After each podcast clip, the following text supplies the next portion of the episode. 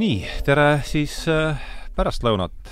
eetris on nüüd juba siis äh, järjekorras üheksakümnes tähenduse täiesti nüüd väike juubelisaade, enne suurt juubelit äh,. ja, ja täna on selleski mõttes mulle, ma igaks juhuks ei julge kätt tulle panna selle väite peale, aga mua, ma olen üsna kindel, et täna on meil selles mõttes erandlik saade, et esimest korda on meil sama duo saates, kes on juba korra varem käinud, siin inimesed on, mitmed inimesed on käinud mitu korda, aga see, et sama, sama duo oleks teist korda samas koosseisus saates, seda pole varem olnud, nii et tere tulemast, Tiit Aleksejev, tere tulemast, Andreas Veispak ja kui ma õigesti mäletan, siis see saade, kus me koos, see oli esimene saade minu meelest selles stuudios.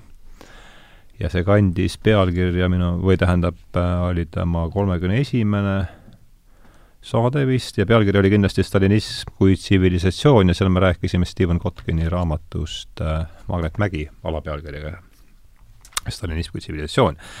täna on meid kokku toonud, nüüd ma vist aeglastan korra kohe, siiski mitte äh,. täna täna on meid toonud, täna on meid toonud äh, siia väga hea, hea meel selle tõsiasja üle Äh, et meid on kokku toonud taas äh, üks raamat ja sedapuhku on selle autoriks üks meist, nimelt siis Tiit Aleksejev. Äh, raamatu nimi on Palveränd, see ilmus sul mis aastal?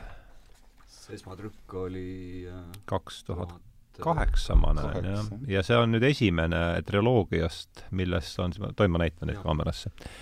et teine raamat on siis Kindel linn ja kolmas äh, Müüride aed Äh, mina alustasin äh, seda raamatut eelmisel nädalal, ka viimased kaks, paar päeva on olnud väga kiired, pole jõudnud raamatut kätte võtta, aga, aga mul on tõesti hea meel öelda, et tegemist on väga hea raamatuga ja, ja, ja hea on, kui seda saab niimoodi öelda, et ei pea vingerdama ja ja vassima, et ongi, ongi hea, ongi hea raamat. jaa, võta heaks.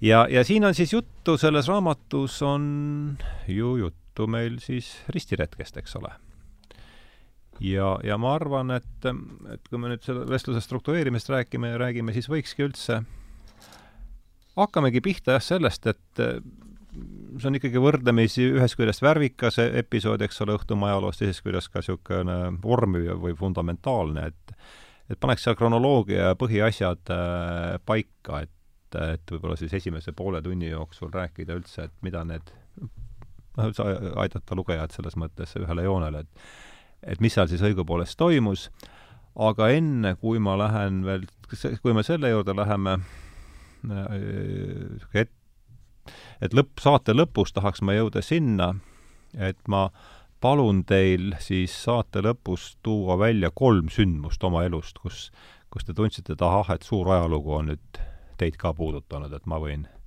et on kavas nüüd iga saat-, igas saates külaliste käest küsida, et kolm sündmust, kus te tunnete, et et ajalugu on, ajalugu on teid isiklikult puudutanud, et, et ahah, et see on nüüd suur murrang.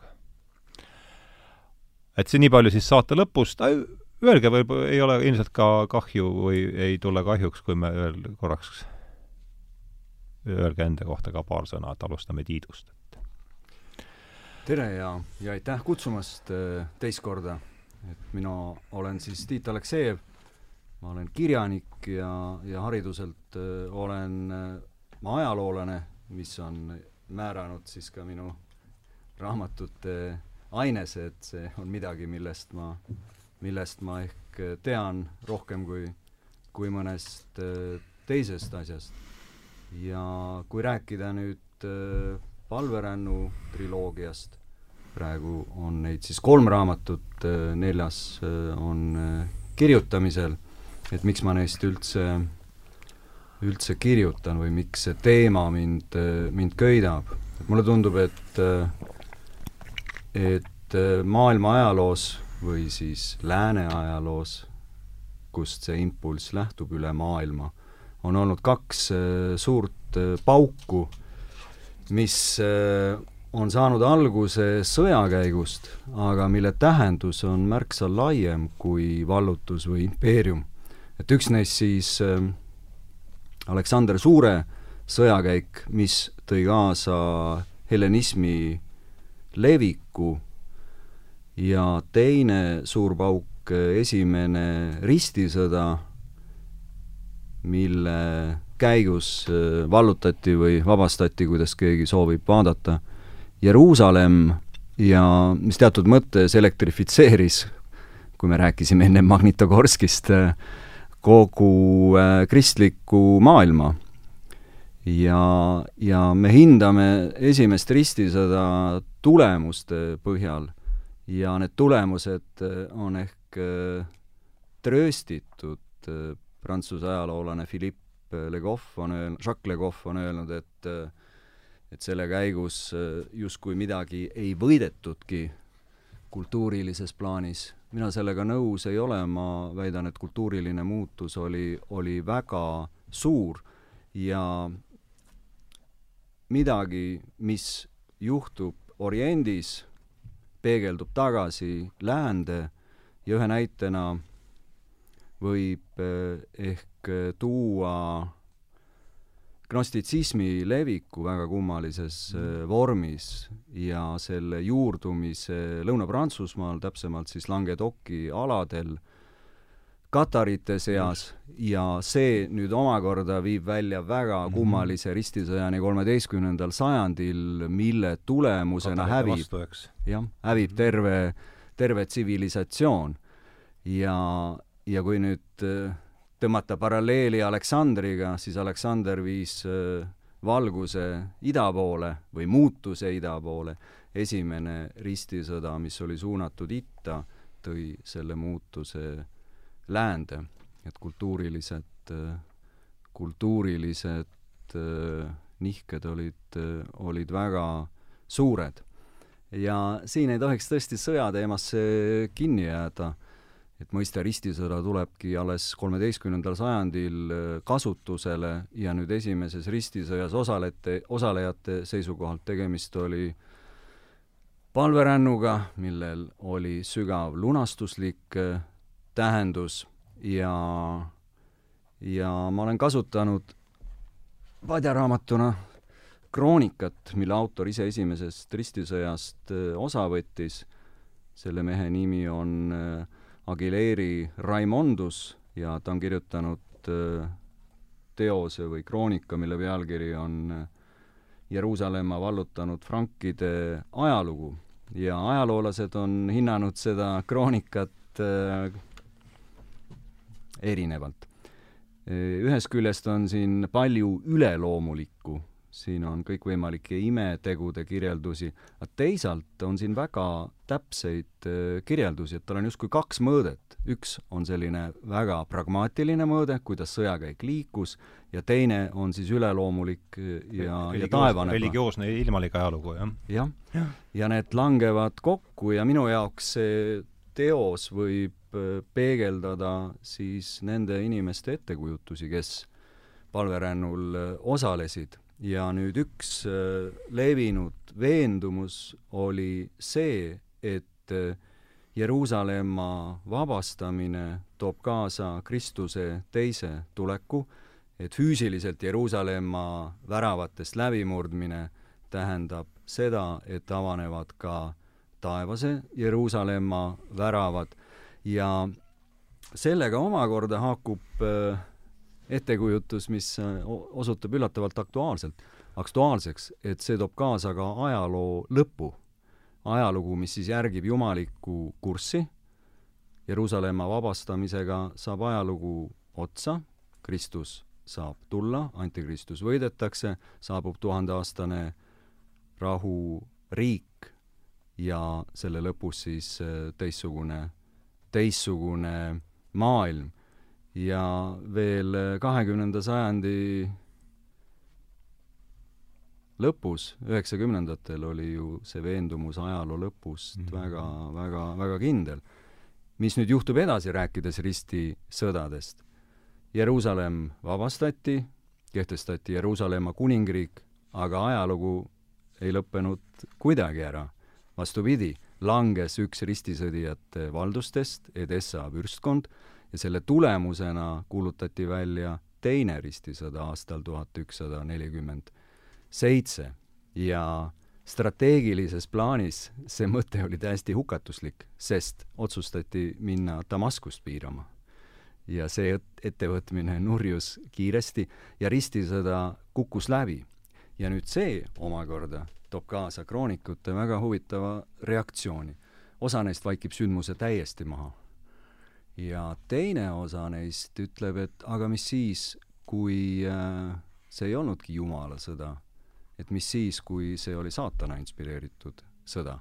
et kui Jumal, jumalik plaan tugevneb ajaloos, siis samamoodi tugevneb ka vastasjõud.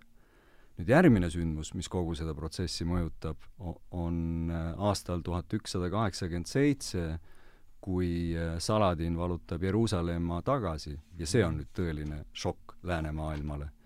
läänemaailm tuhat ükssada kakskümmend seitse? jah. läänemaailm mobiliseerub toimuvad uued ristiretked Jeruusalemma tagasi vallutada ei õnnestu, teda õnnestub tagasi saada lühikeseks ajaks äh, läbirääkimiste käigus, aga ka see nurjub ja lõpptulemusena leiab aset äh, kaheksa ristisõda ja kogu see üritus lõpeb äh, ametlikuks jooneks on tuhat kakssada üheksakümmend üks, Akkoni langus, viimane ristisõdijate tugipunkt Pühal maal, millest on kirjutanud Karl Ristikivi oma Viimse linna. nüüd tegelikult üks tugipunkt püsib aastani palun veel aasta, millal oli see tuhat kakssada üheksakümmend üks. Kakssada üheksakümmend üks on viimane siis, jah? jah, aga nüüd üks tugipunkt Arvadi saar, kus äh, tänapäeval on äh, Süüria mereväebaas, seda hoitakse veel aastani tuhat tuhat kolmsada kaks, nii et äh, iseenesest on see viimane, viimane tugipunkt või, või viimne, viimne linn. ja mis nüüd juhtub, millest me võime ka täna, täna rääkida, teekond Jeruusalemma, teatud mõttes äh, palveränd kui selline ongi ju teekond äh, maisest linnast taevasesse Paabelist Jeruusalemma, kui soovite, vahepeatusega Roomas. ja, ja nüüd see raskuspunkt äh, nihkub äh, läänemaailma enda südamesse. võitlus antikristusega, Jeruusalemma leidmine iga uskliku südames. seesama mõte, et äh, ei olegi vaja ette võtta füüsilist äh, palverändu, et et, et see teekond peab olema vaimne. ajalooliselt on selle kõige taustal investituuri tüli, mis tähendab seda, et antikristus mm. tõuseks justkui kiriku enda rüpest. Võitlus käib siis äh, ketserluse ja Simoniaga, kirikuametite müümisega. Ja see saab küllaltki huvitava müstilise väljenduse Hildegard äh, Pingenist, kaheteistkümnenda sajandi väga võimas naine, kes oli literaat, äh, eelkõige muidugi kirikutegelane, literaat, äh, arst, helilooja. Ja ta on kirjutanud vägevaid Äh, teoseid, äh, neist äh, ühe pealkiri on Siiviad ja seal on tal nägemus, kus siis kirikut on kujutatud uhkes rüüs naisena. Ja nüüd see naine sünnitab, tema niuetest tõuseb siis antikristus. Mm.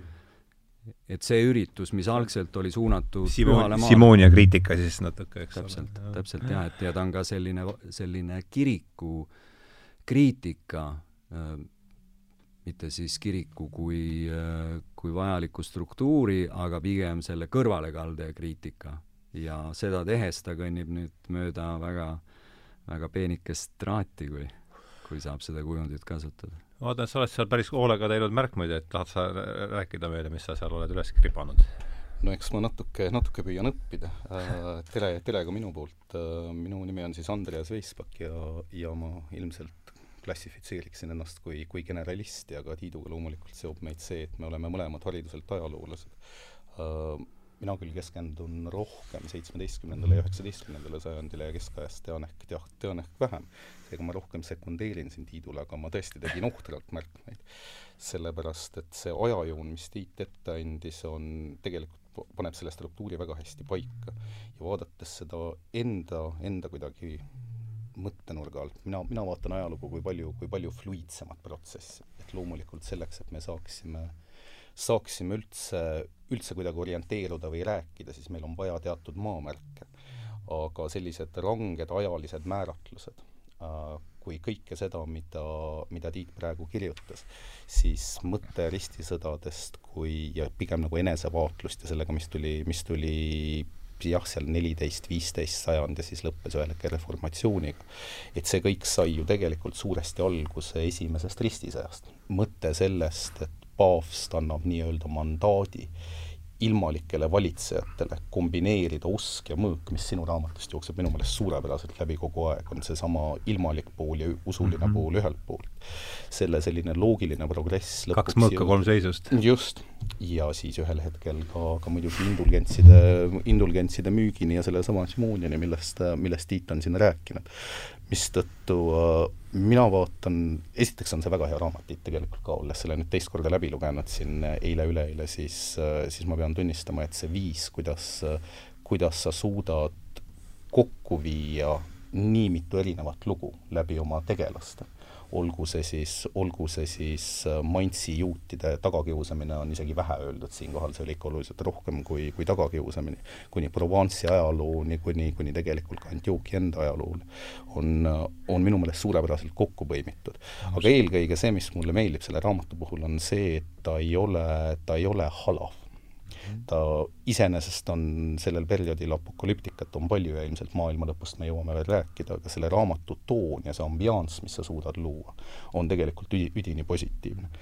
aga minu esimene tähelepanek tegelikult sellesama ajastu ja ka raamatu puhul on see, kui hästi ta sulandub sellesse, mis tuli pärast seda, ütleme siis kuis, kuidas ta juured tegelikult olid muidu, muidugi olid suures kirikulõhes. ja ka see, kuidas asjad kontekstis toimuvad seetõttu, et ma nüüd täpselt ei mäleta, aga kas see oli Gregorius, mis ta oligi, Gregorius kas seitsmes vist, kes tegelikult püüdis juba alustada ristisõda, kas see aasta võis olla tuhat seitsekümmend neli, kui ma ei eksi.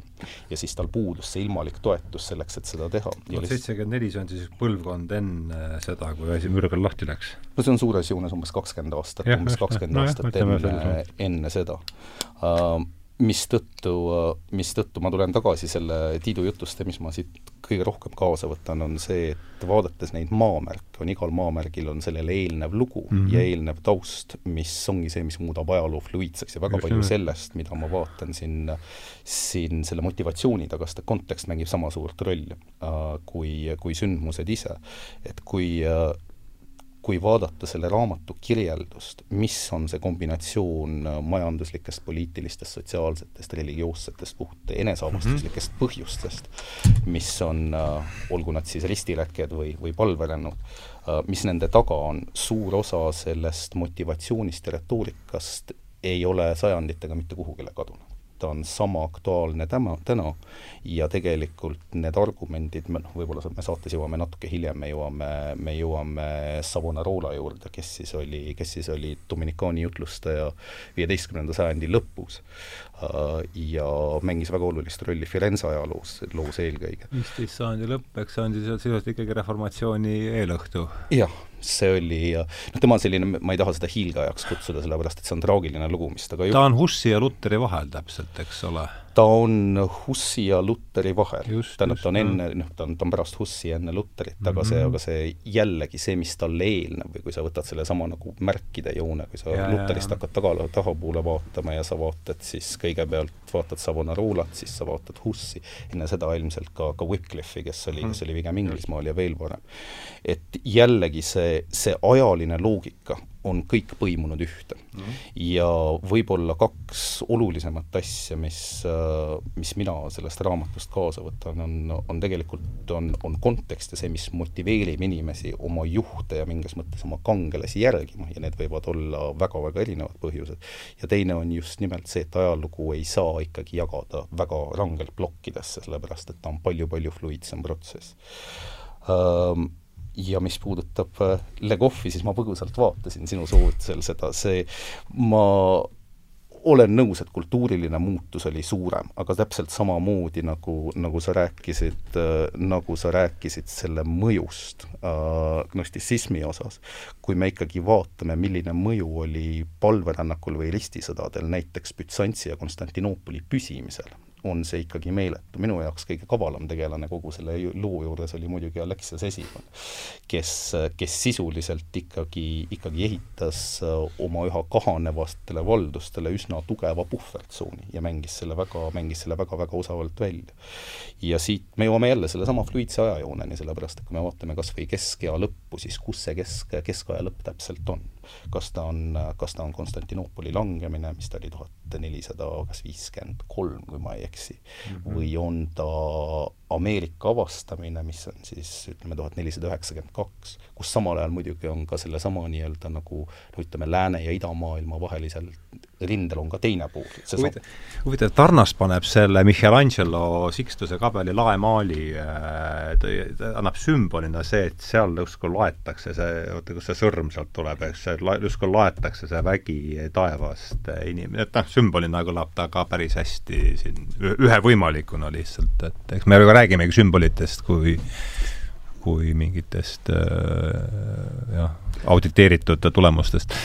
aga Andreas tõi siin välja põhilise või võib-olla sellise läbiva joone, et nüüd sellise taevase mõõtme taustal käib siin väga maine ja väga poliitiline võimuvõitlus esimese ristisõja taustal ja seal on tõesti kaks väga erilist indiviidi vastamisi, Basileus äh, Ale-, äh, Aleksius Esimene, Komnenos tema ja on siis Konstantinoopoli tema on, tema on Ida, Ida-Euroopa keiser või Ida-Euroopa, Ida-Rooma Ida-Rooma, Ida-Rooma valitseja ja see impeerium äh, on, äh, on löökide all idast ja läänest ja valdused äh, kahanevad. ja temaga vastamisi on nüüd Normanni röövrüütli sohipoeg, ta ei ole isegi mitte seaduslik järeletulija keda allikates nimetatakse krahv Bohemondiks, aga tegelikult ta ei ole mingi, mingi krahv, tal ei ole õigust äh, tiitlile.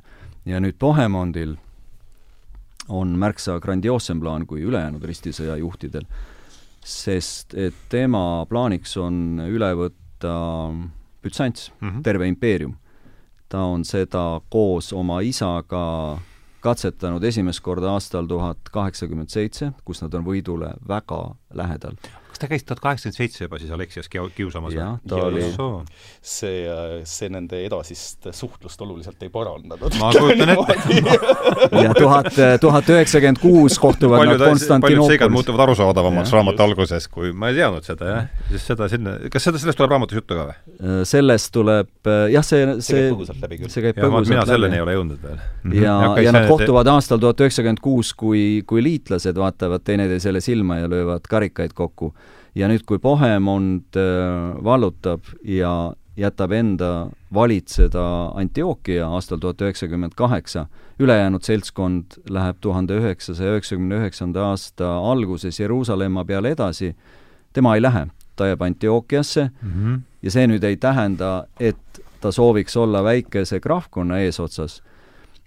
ta sihik on endiselt äh, Konstantinoopolil ja ta läheb ka teisele sõjakäigule Konstantinoopoli vastu, ta kordab äh, oma isa rada, nad on sellesama linna all, Aadria mm -hmm. mererannikul, ja ta saab Aleksiuse käest teist korda lüüa mm. -hmm.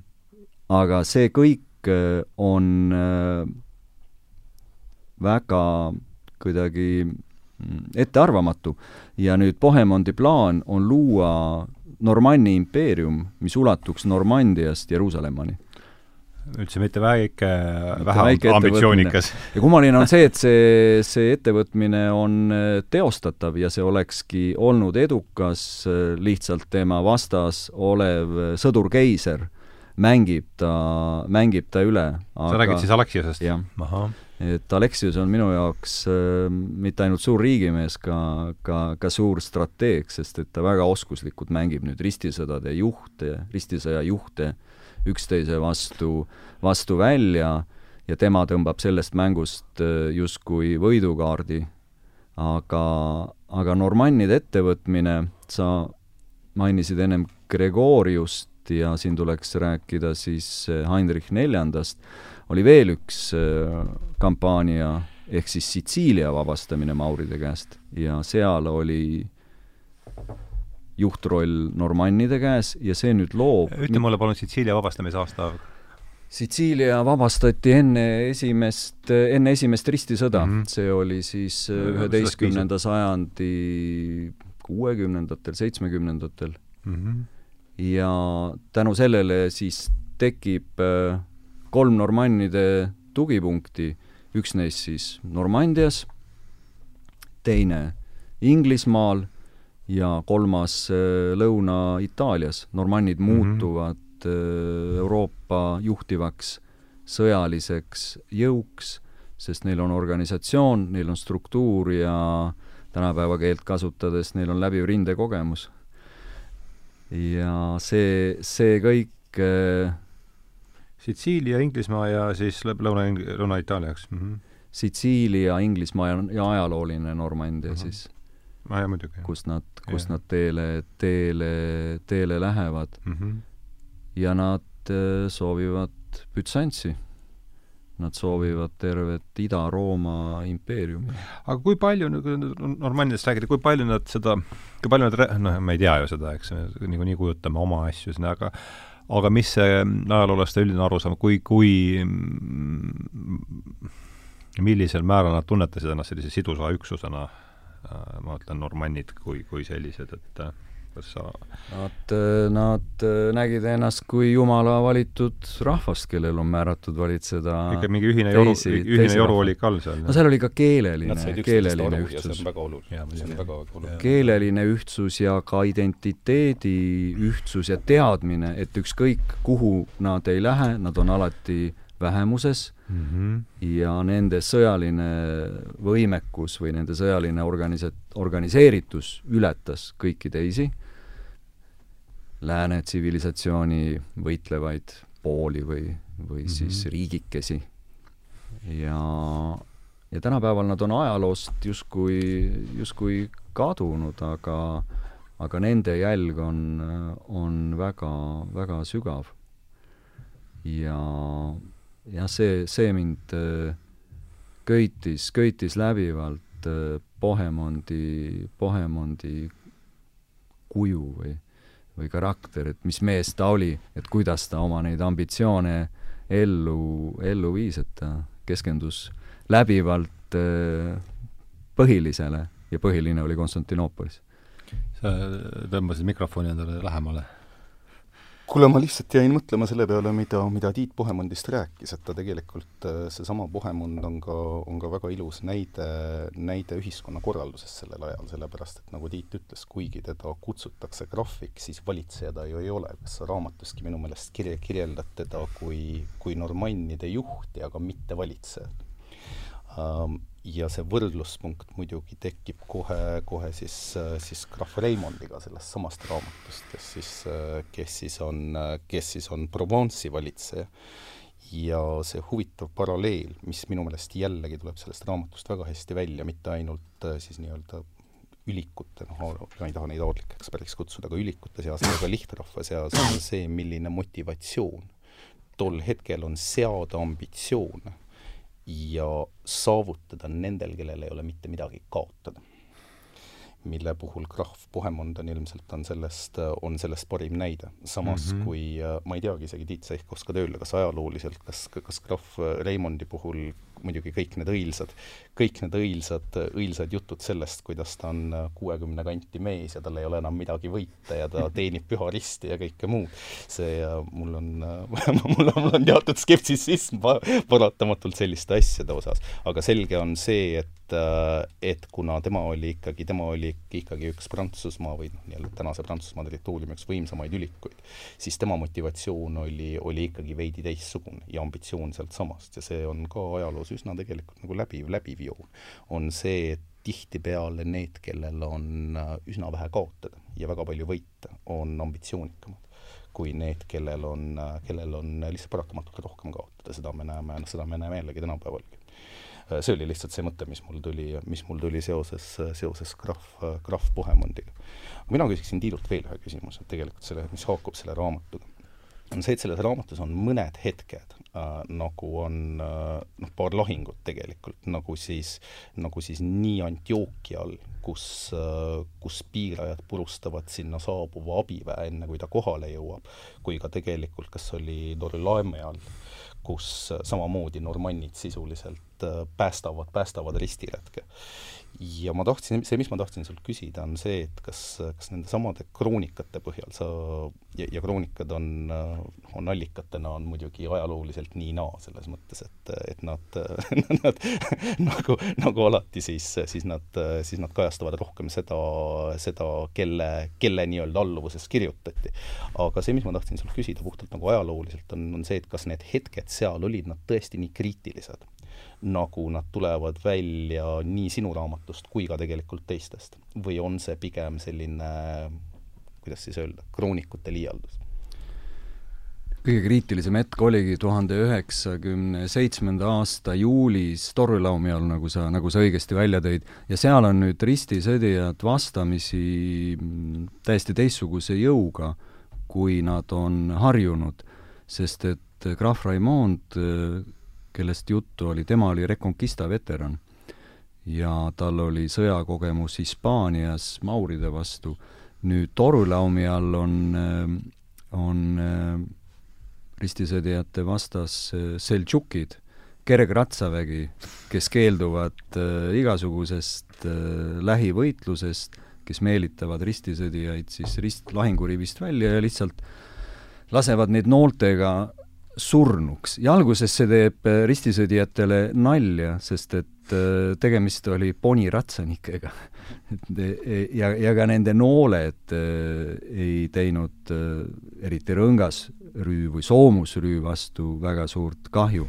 aga nüüd see asi või see võitlus kestis tunde ja tunde, kõrbekuumuses, palavuses, vee puudu, puudumises ja nüüd Seltšukid lihtsalt lasid ristisõdijate armeest äh, verd välja. Ja nüüd sellist kokkupõrget teist korda enam ei tulegi, sest edaspidi on nende vastas teistsugune sõjaline jõud, need on juba siis äh, urbaniseerunud või, või paiksemaks äh, muutunud moslemid ja ka Jeruusalemma all on nende vastas nõrgem, nõrgem moslemite, moslemite vägi ja tõepoolest, et normannid päästavad äh, kogu selle kampaania kaks korda, esiteks siis Torulaumi all ja teist korda Antiochia all. ja Bohemondi võib-olla lõpetuseks võib öelda seda, et äh, sohipojana ja tõesti röövrüütlina, et ilmselt äh, paljudel aadlikel oli unistus abielluda printsessiga ja võib-olla see on ka tänapäeval selline ma arvan, see mõte, ei ole kuhugi kadunud. see ei ole kuhugi kadunud, et, et oleks vahva printsessiga kosjat teha, aga Bohemondil see õnnestus, sellepärast et ta abiellus Prantsuse kuninga Louis Seitsmenda tütrega, et lihtsalt tema renomee esimese ristisõja kangelasena oli niivõrd suur, selleks, et Bütsantsi vastu uuesti sõtta minna, viis ta läbi jutlustamistuuri mööda Prantsusmaad ja, ja ootamatult oli ta ka Prantsusmaa, Prantsuse kuningakoja kuningakoja liige, näide sellest, mida indiviid võib ajaloos saavutada, kui tal piisavalt sihikindlust on. pealehakkamist. pealehakkamist. mul tuleb selle kohal see, et printsessiga leivad ühte kappi panna, tuleb meelde Portos, kes ju, tema ei saanud printsess, aga sai jõuka advokaadile see, et see mhm. käib ka halval ajal, ajab asja ära. et äh, Äh, jaa, meil oleme siin pool, pool tundi, pool tundi nüüd rääkinud, väike vahekokkuvõte ehk ühesõnaga, me räägime siin praegu, kui me räägime nüüd ristisõdadest, selle sõna otseses mõttes, siis ma saan aru, et me räägime, me räägime kaheteistkümnendast ja kolmeteistkümnendast sajandist, eks ole. Läksime liikvele üheteistkümnendast ja nüüd vaikselt jõuame kaheteistkümnendasse. jah, just. et äh, no see on kahtlemata murranguline periood Äh, veel kord, eks ole, Euroopa ja kogu Õhtumaa ajaloos.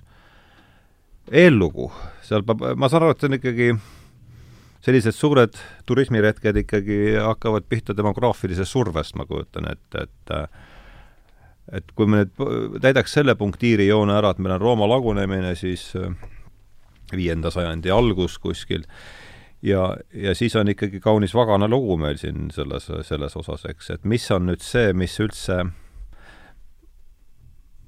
ma ei ole kindel, kas ma siin seda terminit õigesti nimetan, aga, aga vast on see esimene põllumajandusrevolutsioon või Benedikt, Bene-, benediktlased ja kogu see, et võib-olla räägiks sellest äh, taustast ka, et mis eelneb sellele, et see on ikkagi äh, just seesama demograafiline, demograafilisest vaatevinklist, ma ei tea, kes tahab siin haakuda. No Tiit on selgelt, ma arvan, siin rohkem ekspert kui mina, aga kui ma, kui ma mõtlen lihtsalt numbriliselt, siis minu meelest, siis minu meelest kas vahemikus umbes tuhat kuni tuhat kolmsada äh, Euroopa elanikkond, kas ta kasvas vist umbes kolmekümne viielt umbes kaheksakümne miljoni peale. selles mõttes, et oli selgelt, oli selgelt, rahvastik kasvas ja see oli, ja see oli osaliselt tänu, tänu põllumajandusrevolutsioonile. kindlasti mängis seal oma rolli soodne kliima õige, just, jah. sellepärast, et see aeg oli üsna oli, enne seda väikest jääaega, eks ole. oli, just täpselt, enne, enne väikest mm -hmm. jääaega. aga see, milles ma tegelikult nii kindel ei ole, on see, kas need on need faktorid, mis ristisõja tegelikult liikuma panid. jällegi, siin on selgelt, on selgelt, Tiit peaks sellest teadma, teadma oluliselt rohkem kui, rohkem kui, kui mina. aga ma arvan, et siin on ikkagi väga suur roll esiteks demograafiliselt ka vanusel lihtsalt sellepärast et, et kui inimesed mõtlevad või käsitlevad oma elu, siis tavaliselt nad alustavad ajast, mida nad enam-vähem mäletavad ja mõtlevad välja enam-vähem sinna, kus nende vanavanemad võib-olla, võib-olla jõuavad uh,. Nii et meie, meie ikkagi paratamatult uh, see perspektiiv, kuidas meie ennast aega üldse paigutame uh,, on ikkagi seal kusagil seitsmekümne, kaheksakümne, üheksakümne, ma arvan, et meie laste puhul võib-olla isegi juba, juba saja aasta jooksul, noh loomulikult eeldusel, et kõik läheb lineaarselt edasi nii, mis on juba väga-väga suur küsimärk nii või naa uh,. Mistõttu ma arvan, et see suhteline noorus ikkagi mängi, mängis väga suurt rolli mm.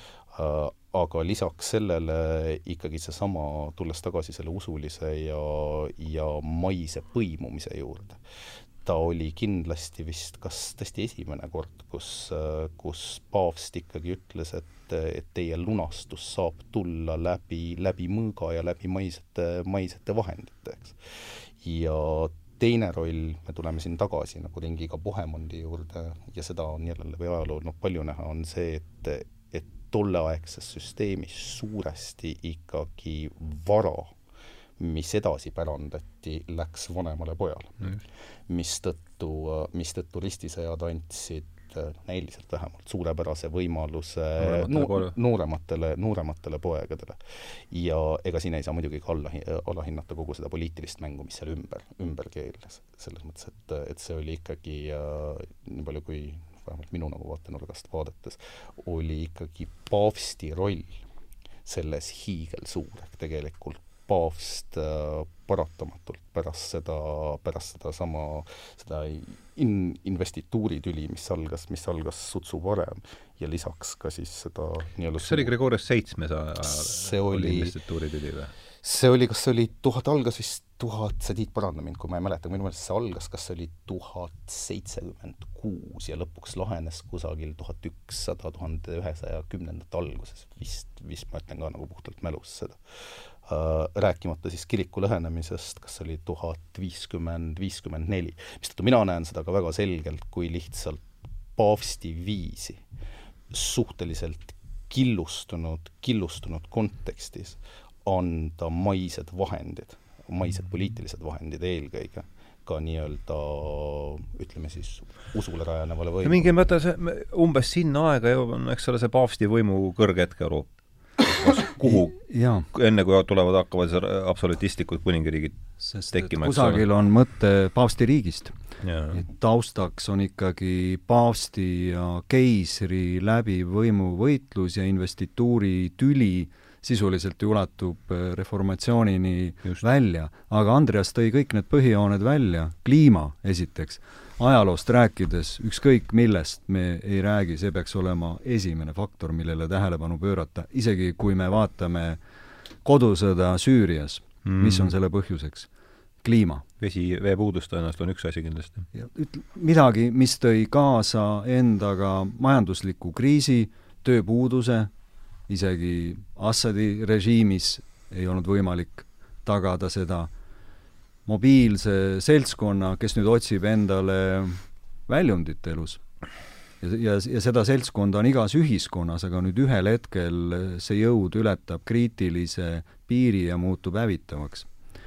kliima üks, nüüd minu jaoks esimene ristisõda on, on paljuski paljuski mõistatus, ma saan aru nendest ratsionaalsetest teguritest, tugev paavst, Euroopa elujärje paranemine, varasem äh, kogemus äh, kristluse piiride laienemine, laienemisel, Reconquista Hispaanias, Sitsiilia tagasivallutamine, see kõik on selge.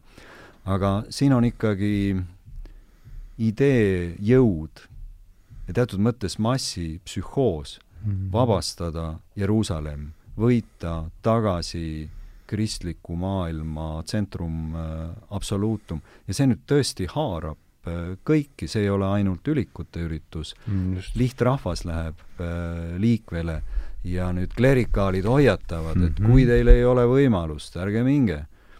et äh, harige maad, jääge, jääge koju, keegi peab koju ka jääma. et selline tõeline väljaränne toimub. et see on midagi, midagi huvitavat. ja nüüd kusagil, kui me rääkisime mustritest, see on äh, minu enda jaoks midagi, mis teeb ajaloo köitvaks. ja Hardo, sina oled õige mees sellest rääkima, sest et hiljuti ilmus äh, Jungi teos äh, Hiobi küsimus. vastus Hiobile? vastus Hiobile, vabandust mm. -hmm. ja, ja nüüd tundub, et needsamad mustrid või ehk ka arhetüübid mm -hmm. rändavadki ajast aega ja mõjutavad nüüd äh, protsesse juhul, kui ülejäänud tegurid on soodsad. kliima, majandus, poliitilised jõud ja, ja me oleme taas äh, maailma muutmise juures, millegi vabastamise juures, äh, igavese rahuriigi saabumise juures ja sõja juures, mis peaks lõpetama kõik, kõik sõjad. teised äh, sõjad ja selline sõda teatavasti oli Esimene maailmasõda, selline sõda teatavasti oli Teine maailmasõda. No, kui me läheme Napoleon ajas sama joru, ma kujutan ette, eks ole. et kogu aeg on, on see üks sõda, mille nimel tuleb anda kõik, tuleb ennast ohvriks tuua, sest hiljem tuleb äh, tuhandeaastane rahu, mida kahjuks seniajani ei ole tulnud, loodame, et et seekord, seekord äh, tuleb no seda, kus John Gray on öelnud, ma et hakan korra nõus olen, et John Gray on öelnud just äh, selles, äh, kas on Mustas missas vist, et, et kui lääne tsivilisatsiooni lühidefinitsioon oleks võimalik, siis oleks miljonäristlikul mõtlemisel seal äh, keskne roll, et see on niisugune defineeriv, mm, paljuski tema arvates defineeriv tunnus kogu selle asjale, aga ma lihtsalt, sa valmistusid ilmselt ütlema midagi muud, Andres ei, üldse mitte, tegelikult ma saan ainult nõus olla sellega, sellega, mis sa ütlesid, see, see toob mind ringiga tagasi sellesama tegelikult nüüd juba ikkagi renessansi ajastu juurde ja siis Loomus Savonarola juurde, kes mm, -hmm. kes ehitas ikkagi sellele samale, sellele samale traditsioonile, mis oli Firenzes juba pikka aega olnud. Äh, ehk nimelt see, et, et tulemas ongi seesama hiilgus ja võit mis, mis lõpuks uut, uuemate tõlgenduste kohaselt, vähemalt see traditsionaalne tõlgendus on alati olnud selline, et et oli, oli Medicite ajal kuidagi pattu langenud Firenze, siis saabus Savonarola oma, oma patukahetsuse ja siis ilmselt ikkagi väga askeetliku lähenemisega, kõik muutus. mis on siis niisugune vana, vana testamendi ar-, prohveti arhetüüp tõenäoliselt just, aga uuemate tõlgenduste kohaselt tegelikult äh, väidetakse, et see oli vastupidine. Mm.. et tegelikult suuresti mm. Savonarola ehitas sellesama usu ja selle millerismi peale, mis oli Firenzes juba ammu olemas ja olnud olemas, lisaks ka vabariiklik traditsioon loomulikult, mis oli seal olemas aasta, aastasadu. aga see, mis ma tahtsin öelda, tegelikult haakus nagu hoopis millegi muuga, mis oli see, et kui mõelda, kui lihtsalt vaadata külmalt hetkeks ja, ja, ja ma arvan, et see on üks asi, mis äh, mis minul erinevalt Tiidust puudub, on selline nagu see, see sõrmeotsatunne keskajas, sest et lõpuks mm -hmm. sa pead ikkagi olema piisavalt empaatiline selleks, et suuta, suuta tõesti ette kujutada, mida inimesed mõtlesid. aga vaadates külma pilguga, siis kohati olid ristisõjad ikkagi täiesti hullumeelsed ettevõtmised no ma lihtsalt, ma lihtsalt nagu püüan mõelda, püüan mõelda selle peale, et äh, kui me võtame Euroopa suuremad linnad, kas London ja Pariis, ma kujutan ette, et seal tol ajal võis olla võib-olla kolmkümmend, nelikümmend tuhat inimest umbes, eks. ja Konstantinoopolis oli, oli, mis ta võis olla, umbes pool miljonit, ma kujutan ette, ja siis, kui sealt vaadata veel edasi, noh, Bagdadi ja, ja, ja, ja sisuliselt ikkagi nagu päris Lähis-Ida poole, siis äh, siis mõte sellest ja siin me tuleme tagasi jälle paraku Bohemondi ja inimese rolli juures ajaloos ja see on võib-olla üks asi, mis siiski on muutunud mm, -hmm. on see, et riikide tsentraliseerumisega ja kui me siin räägime sõdadest, mis lõpetavad kõik sõjad, siis lõpuks ikkagi nii Esimeses maailmasõjas kui Teises maailmasõjas kui enamikes muudsetes sõdades, lõpuks see baas, millele sa rajad oma sõjamasina, loeb äh,. Lihtsalt sellepärast, et see, kellel jätkub ressurssi kauemaks, ühel hetkel peab ka kauem vastu aga siin mõte sellest, et, mõte sellest, et noh, jälle vist vaieldakse, aga Tiit, eks sa saad öelda, ma saan aru, et see ristisõidjate hulk seal võis olla kusagil ilmselt seitsmekümne tuhande ja saja tuhande vahel umbes. aga see, et, et see kamp seal võtab ette pika matka läbi ikkagi suht-koht ebamugavate ja ebameeldivate tingimuste, kohta, mis äh, on äh, noh, vähemalt nende endi meelest rohkem arenenud kui see, kust nad tulevad, sest et selles kandis vaadati ikkagi Euroopat või Lääne-Euroopat suuresti kui sellist nagu, ma ei tea, kas just metslased, aga, aga sellist, sellist nii-öelda nagu vaiksemat vett kusagil, kes kellelegi mingisugust ohtu ei, ei, ei, ei loo. aga mõte sellest, et suhteliselt väike, väike kamp võtab ette nii hullumeelse ettevõtmise ja tegelikult kui sa, kui sa vaatad seda ristisõdade ajajoont, mis siis ongi seal üksteist sajand lõpp kuni, kuni kolmteist sajand, kuni kolmteist sajand jah, lõpp, mis see Tiit ütleski, tuhat kakssada üheksakümmend üks, siis tegelikult see ei olegi nii lühike aeg. kakssada ainult, kaks sajandit. aga strateegilises plaanis tundub see täiesti hullumeelne ettevõtmine. ja mõte sellest, et tegelikult tegelased nagu Raimond ja ka paavst ise suutsid midagi sellist käima lükata, ma arvan, et ma arvan, et ükskõik milline tänapäeva strateeg ilmselt vaataks neid, vaataks neid suurte silmadega. ilmselt ei olnud ettevõtmise taga tulu ja, tulu ja kuluanalüüs ei, tundub, ei hingestanud seda kuidas, kellel?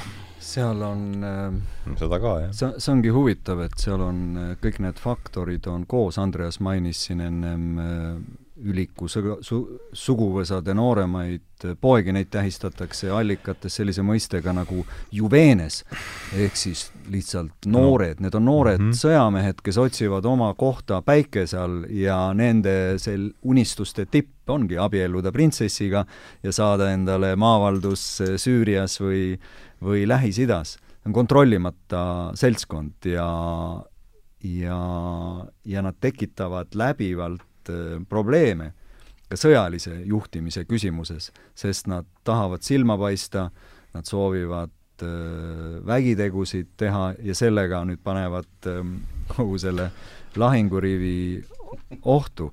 aga ainuüksi demograafiaga seda kõike ei seleta, sest et juhtivaks jõuks olid just nimelt need suguvõsade vanemad pojad.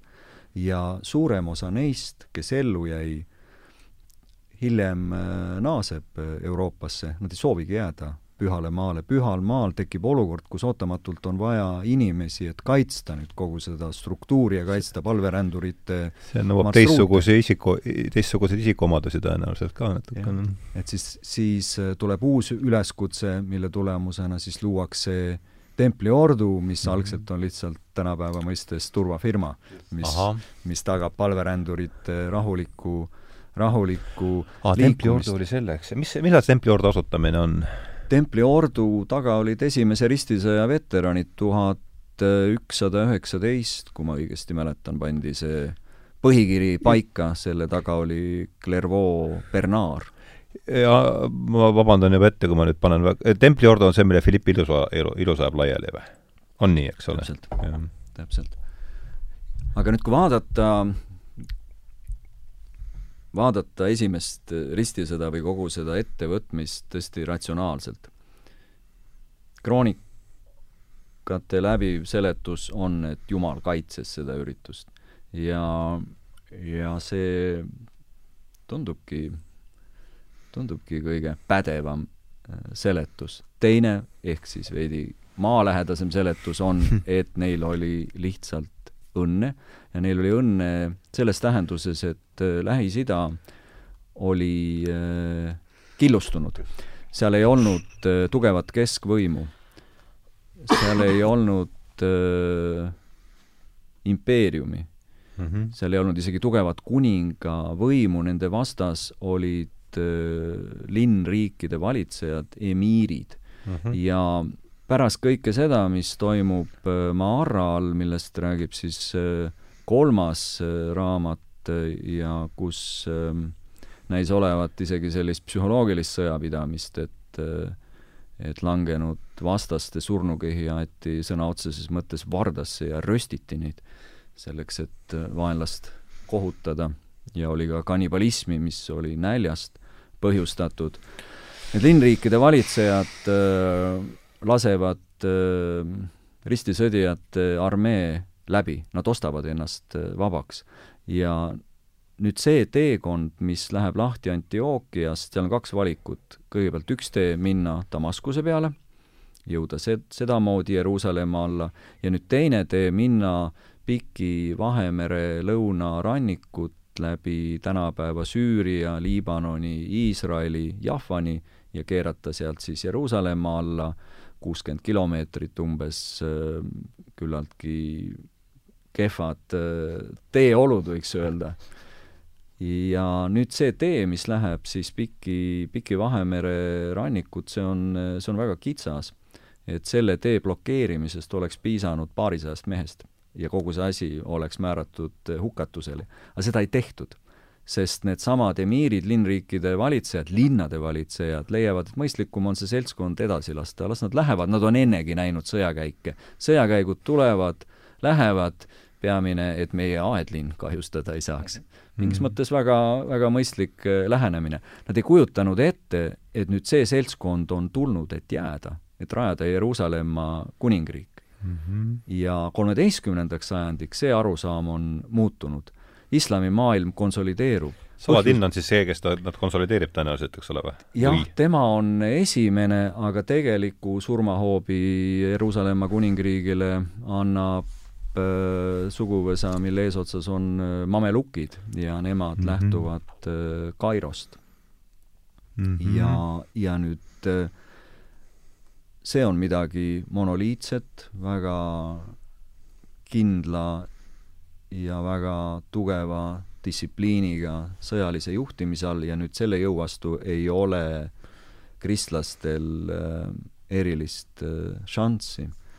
aga kui nüüd rääkida veel motivatsioonist, siis ma olen mõelnud sellist ketserlikku mõtet, et mis siis, kui esimene ristisõda oli üheteistkümnenda sajandi džihaad kristliku mm -hmm. lipu all. et seesama motivatsioon on midagi, mis annab su elule väga sügava tähenduse. ja nüüd surm selle kõrval, ükski inimene ei otsi surma, aga, aga surm äh, ei pruugi olla lõplik äh, kaotus, et see on tõesti värav kuhugi mm. -hmm paremasse, paremasse ilma. ja ka nüüd nende ristisõdijate käitumine sarnaneb tänapäeva džihadistide ettearvamatu. ma olen mõelnud sedasama, jah.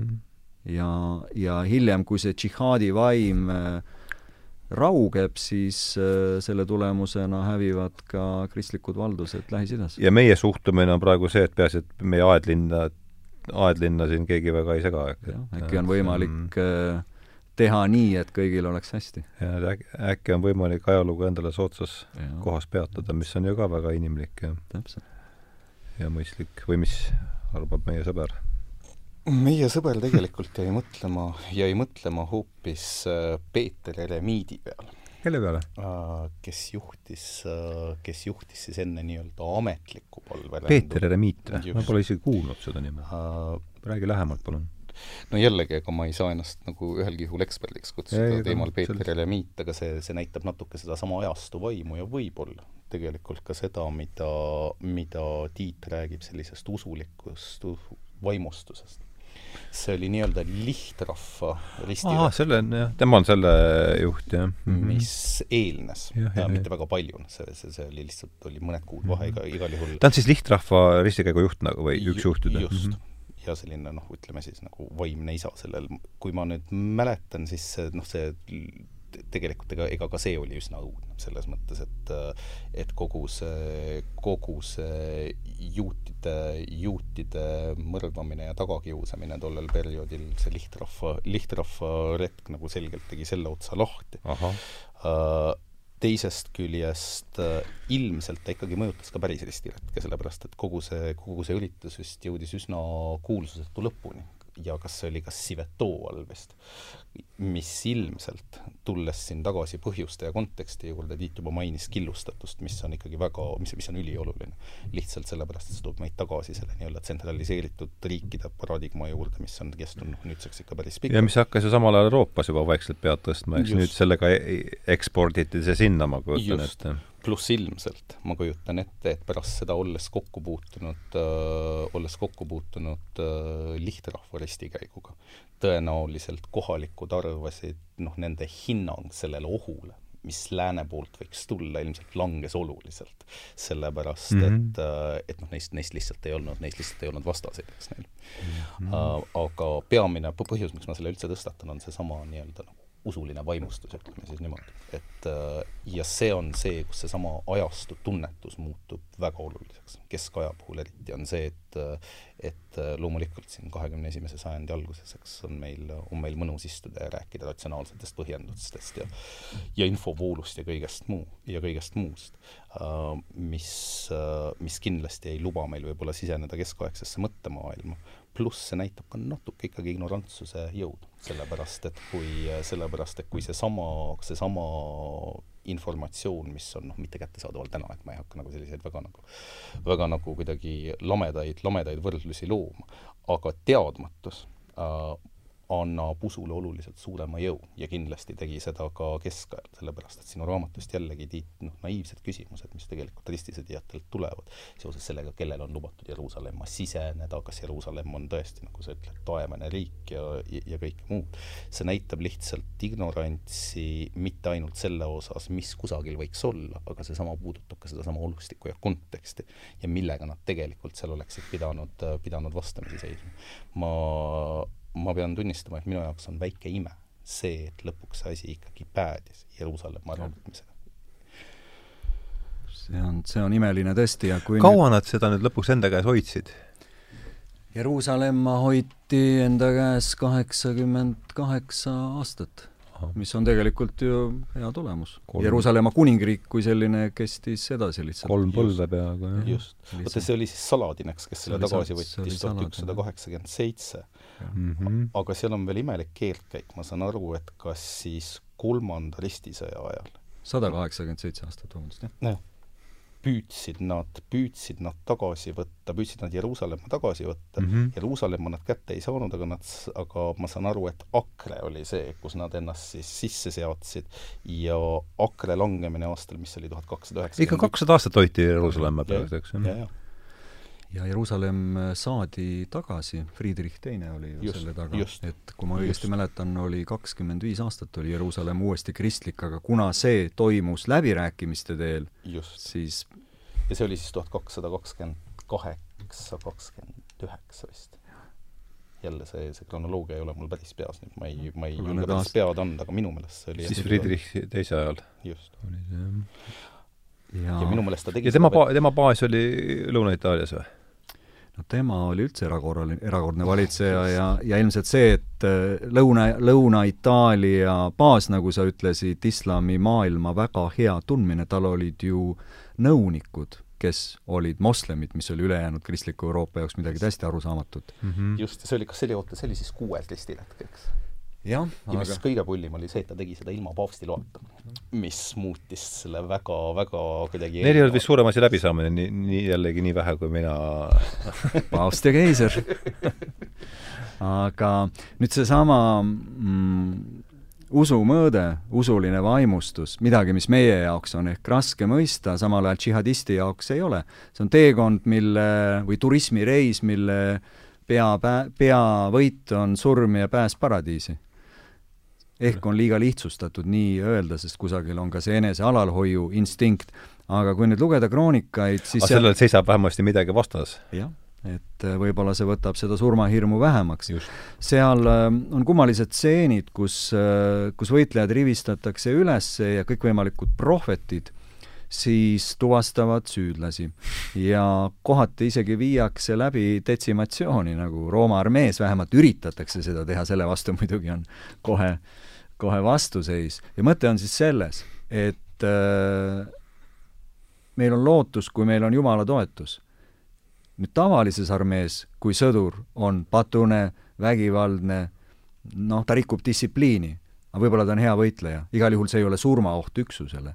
nüüd äh, ristisõja käigus, kui sinu korvis on üks mädaõun, siis see rikub kogu korvi ära, sest see võtab ära jumaliku toetuse mm. -hmm ja, ja seepärast on oluline hoida, hoida read äh, puhtana. mis kujutab ette, et politrukkidel pidi olema küllaltki suur äh, võim selle või selline ma ei tea, palju, palju seal see politrukkide ja kuidas see, kuidas tol ajal see kas nad üldse olid niimoodi eralda-, no ikka vast olid või, või nad olid, olid nad seal kõik koos selles ühes, ma mõtlen sõjanduse spetsialistid ja siis niisugused komis-, mul tekib see paralleel selle eelmise, kui me räägime nüüd usulisest vaimustusest ja sellest millenarismi, millenarismi puhastus, siis mul tekib ju otsene sild selle Magnitogorski saatega, eks, et me räägime ju samast äh, selles, selles mõttes, selles mõttes küll ja kui nüüd vaadata neid jutlustajaid, siis äh, siis neil on võimu, minu enda no jutlustajad ongi jah, need politrukid selles mõttes tähenduses, eks. Minu enda selline süda kuulub ühele teisele Petrusele, kelle nimi oli Petrus äh, Bartolomeus ja kes siis leidis Antiochialt äh, püha oda. Ja kuna krahv Raimonil ehk siis Languedoci armeel oli, oli vaja imetegu ja oli vaja ka reliikviat, siis krahv hakkas Petrust äh, toetama. ja Petrus äh, saab sellest hoogu juurde ja temaga kõneleb püha Andreas, Andrease, Andrease nimekaim ja Andreasel, pühal Andreasel on siis Petrusele ja siis kogu palverännule mitmesuguseid soovitusi. üks apostlitest või? üks apostlitest, jah, ja, ja Petrus Bartolomeus vahendab suure innuga neid soovitusi ja tal on ka teatav nõrkus äh, naissoo vastu, nii et ta mm. kasutab oma jutluste jõudu ka sellel suunal ja nüüd äh, osa selle raamatu tegelastest vaatavad Petrust kui lihtsalt sellist põrunud tegelast. aga peategelane hakkab mõtlema, aga mis siis, kui temaga tõesti räägib püha Andreas, sellepärast et osad Petruse ettekuulutused lähevad äh, väga täpselt äh, täide. ja siis peategelane küsib ta käest ühel hetkel, et et kas see kõik, mida sa teed, et kirjelda mulle seltskonda siis, keda sa seal näed ja kellega sa suhtled ja Petrus Bartolomeus ütleb, et et sa ei soovi seda teada. ja peategelane sunnib Petrust millekski, mm, mis toob äh, talle siis äh, võimu lihtrahva üle ja ta ütleb Petrusele, et, äh, et see kõik oli õige eesmärgi nimel, et Jumal annab sulle andeks. ja Petrus ütleb, et nii palju, kui ma teda näinud olen, Jumalat, et ma kahtlen selles. ja mis siis juhtub? nüüd tuleb siis see poliitiline liin. normannid, kes olid pikka aega talunud Petruse ettekuulutusi, mis järjest siis Languedoci armeele võimu juurde andsid, tüdisid sellest ja tõid välja omaenda prohveti, normanni taustaga. tekib prohvetite konflikt ja püha Petrus viib äh, peab siis midagi tegema, mis tõestab tema sõna õigsust ja jõudu mm. -hmm. ja ta peab tõestama püha oda imet tegevat võimet. ja siis normannide survel ja tema enda nõusolekul, ta on veendunud, et püha Andres kaitseb teda, viib ta läbi tuleproovi. kahele poole püstitatakse siis see on siis ordiili niisugune mingi või? Ta läheb läbi, sisuliselt läbi leegitseva tuleriida, hoides käed püha oda. ja nüüd tuleproovi mõte on selles, et kui ta pärast seda, kui ta selle läbi teeb, siis oda on õige. ja mis juhtub, on see, et ta teebki selle läbi, ta kõnnib läbi leegitseva tuleriida, edukalt kukub kokku ja sureb seitsme päeva pärast. puhkeb diskussioon, mis see siis nüüd on. et, et reliikvia justkui oli õige, lihtsalt tekstuur oli nõrk inimesel endal.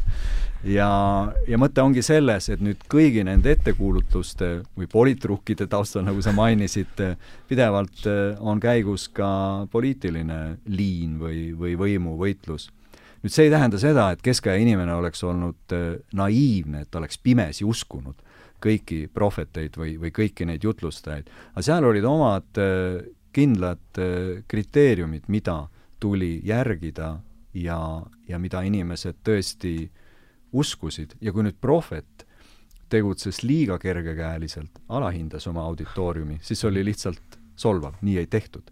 ja Petrus selles tähenduses äh, tõesti läheb täispangale, et ta tõestab oma jumalikku kaitset ja tõestabki selle ära mm. reliikvia on õige, lihtsalt inimkeha on, on nõrk. aga tuleproovi teeb ta, teeb ta läbi et see prohveti või jutlustaja leib ei olnud nagu kõige magusam alati, et ma usun, et Andres tahab siin Savonaroolast midagi lisada. absoluutselt, ma lihtsalt kuulan sind, Tiit, ja ma mõtlen, et hämmastav, kuidas äh,, hämmastav, kuidas selle, kuidas selle pea neljasaja aasta jooksul tegelikult muutus väga vähe, see on täpselt see, mis juhtus ka sellesama Savonaroolaga aastal tuhat nelisada üheksakümmend kaheksa, kaasa arvatud ka see eellugu, kus sa kirjeldad normanne ja ja alternatiivseid jutlustajaid ja just eelkõige seda, kuidas inimesed tüdinevad. ma arvan, et see, see motivatsioon, kuidas sa hoiad oma järgijaid käigus ja suudad neid motiveerida, on üks asi, mis on, mis on sellesama ristiretke, ristiretke üks selliseid läbivaid jooni.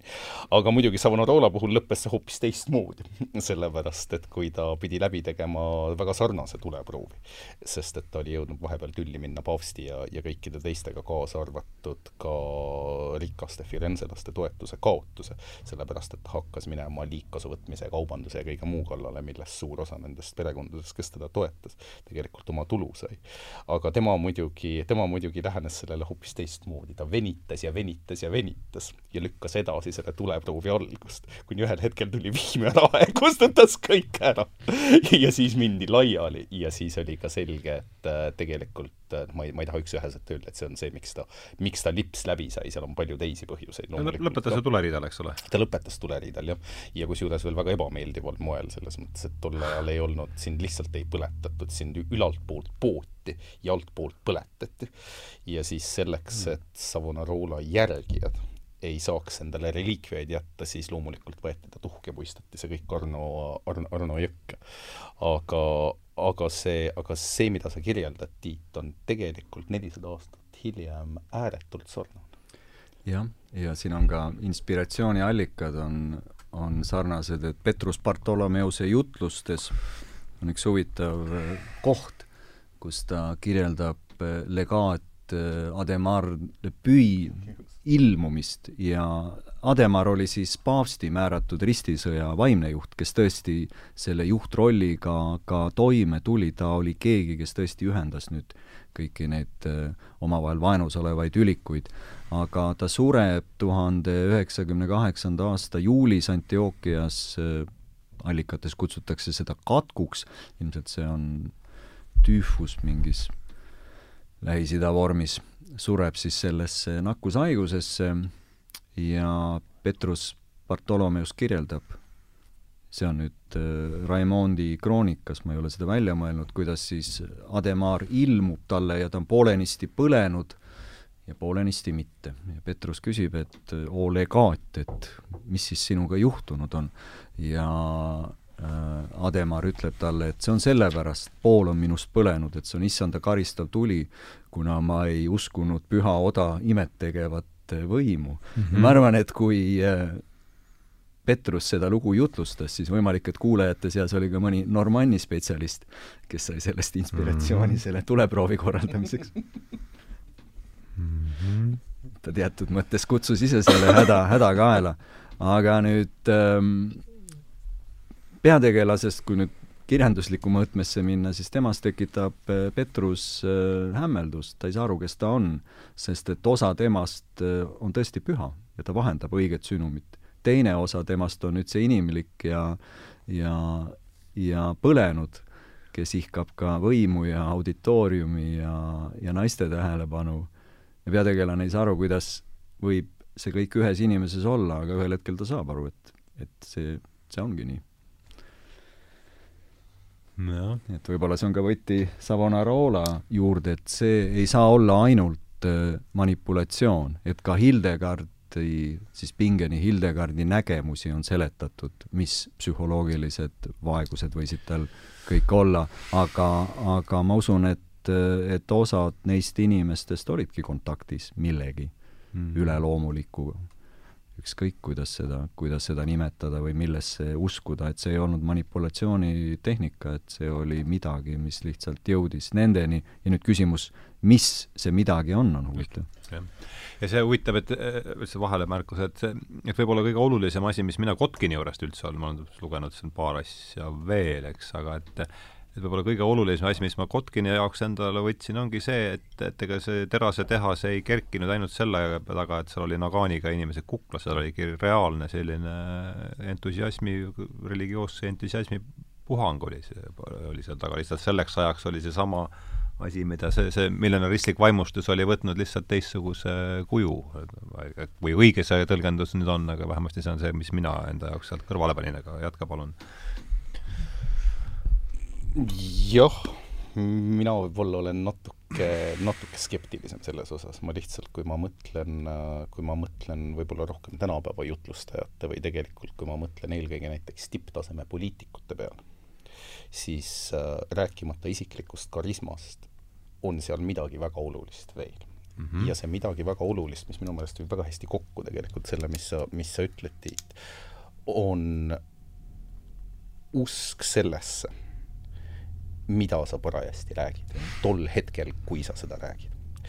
ja selge on see, et ühel hetkel tõmbuvad kõik tagakambrisse ja hakkavad toimuma kõik need erinevad mahhinatsioonid, mis sellest raamatustki siin, siin välja tuleb.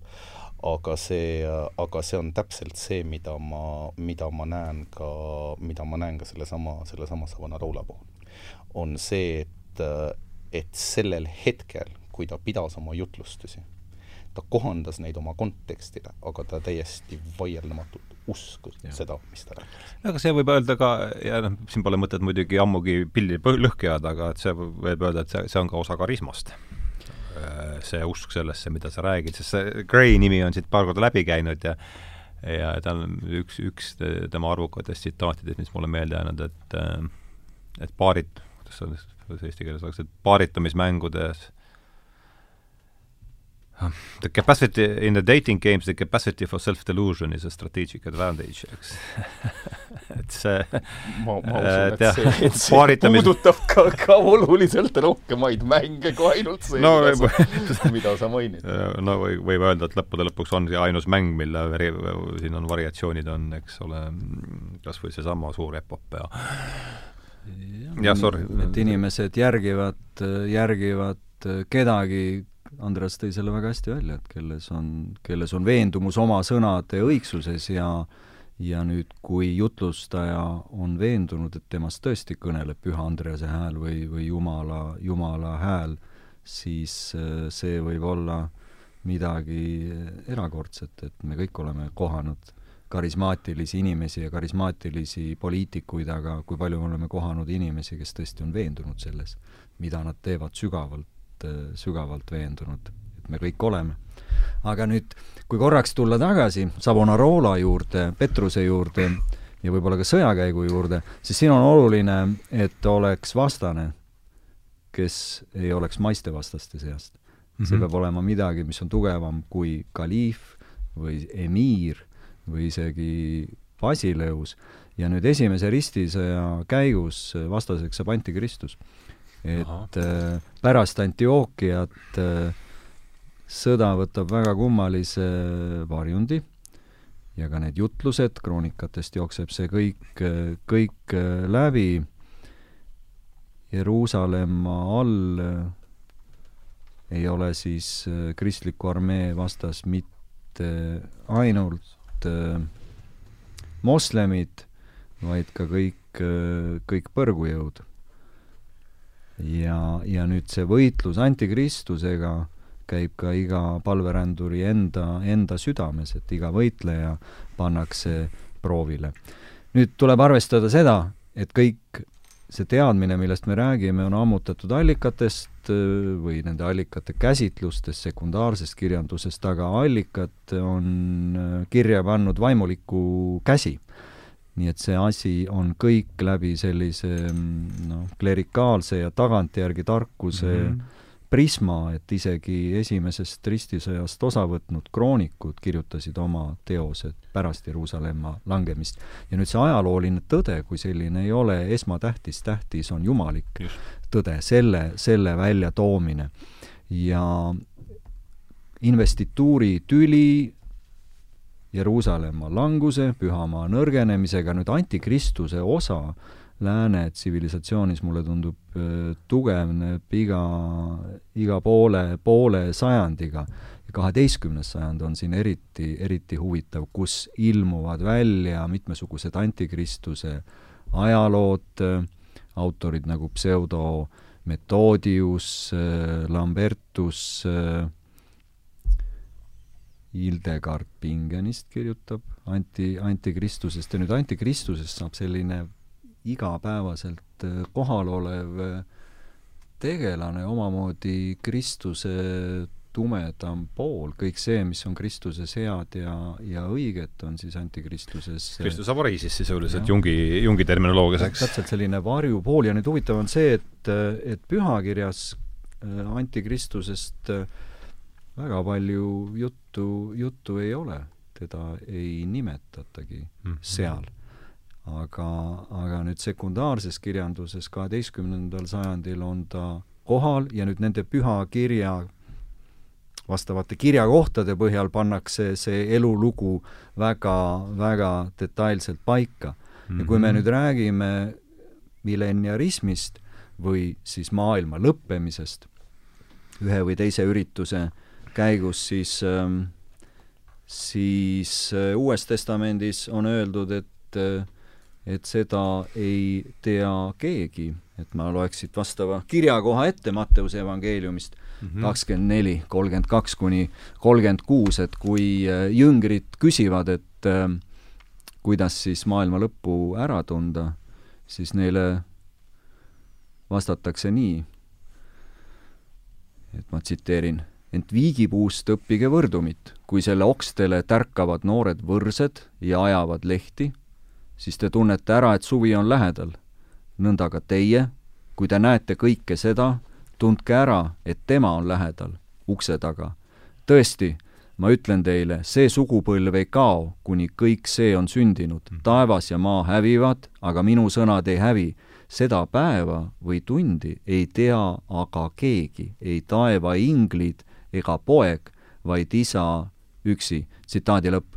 Kristuse sõnad, ta ütleb seda, et isegi mina ei tea seda mhm. tundi mm -hmm. ja ammugi ei ole see teie asi teada. aga ikkagi rõhk on see, et juba käes, juba ikkagi siin me ei räägi, eks, et saja aasta pärast, et see on selle, rõhk on siin ja see on jällegi huvitav, et ega siit ei saagi teistmoodi mööda, et Gray tuleb mul siin juba mitmendat korda, seda on mu mõtlemist selles suunas palju vorminud et alles üks tsitaat, mis mul on mustast, missast sööbinud pähe, on see, et et see esatoloogiline vaimustus ongi suuresti selle kirja koha peal, et kohe-kohe tuleb see muutus.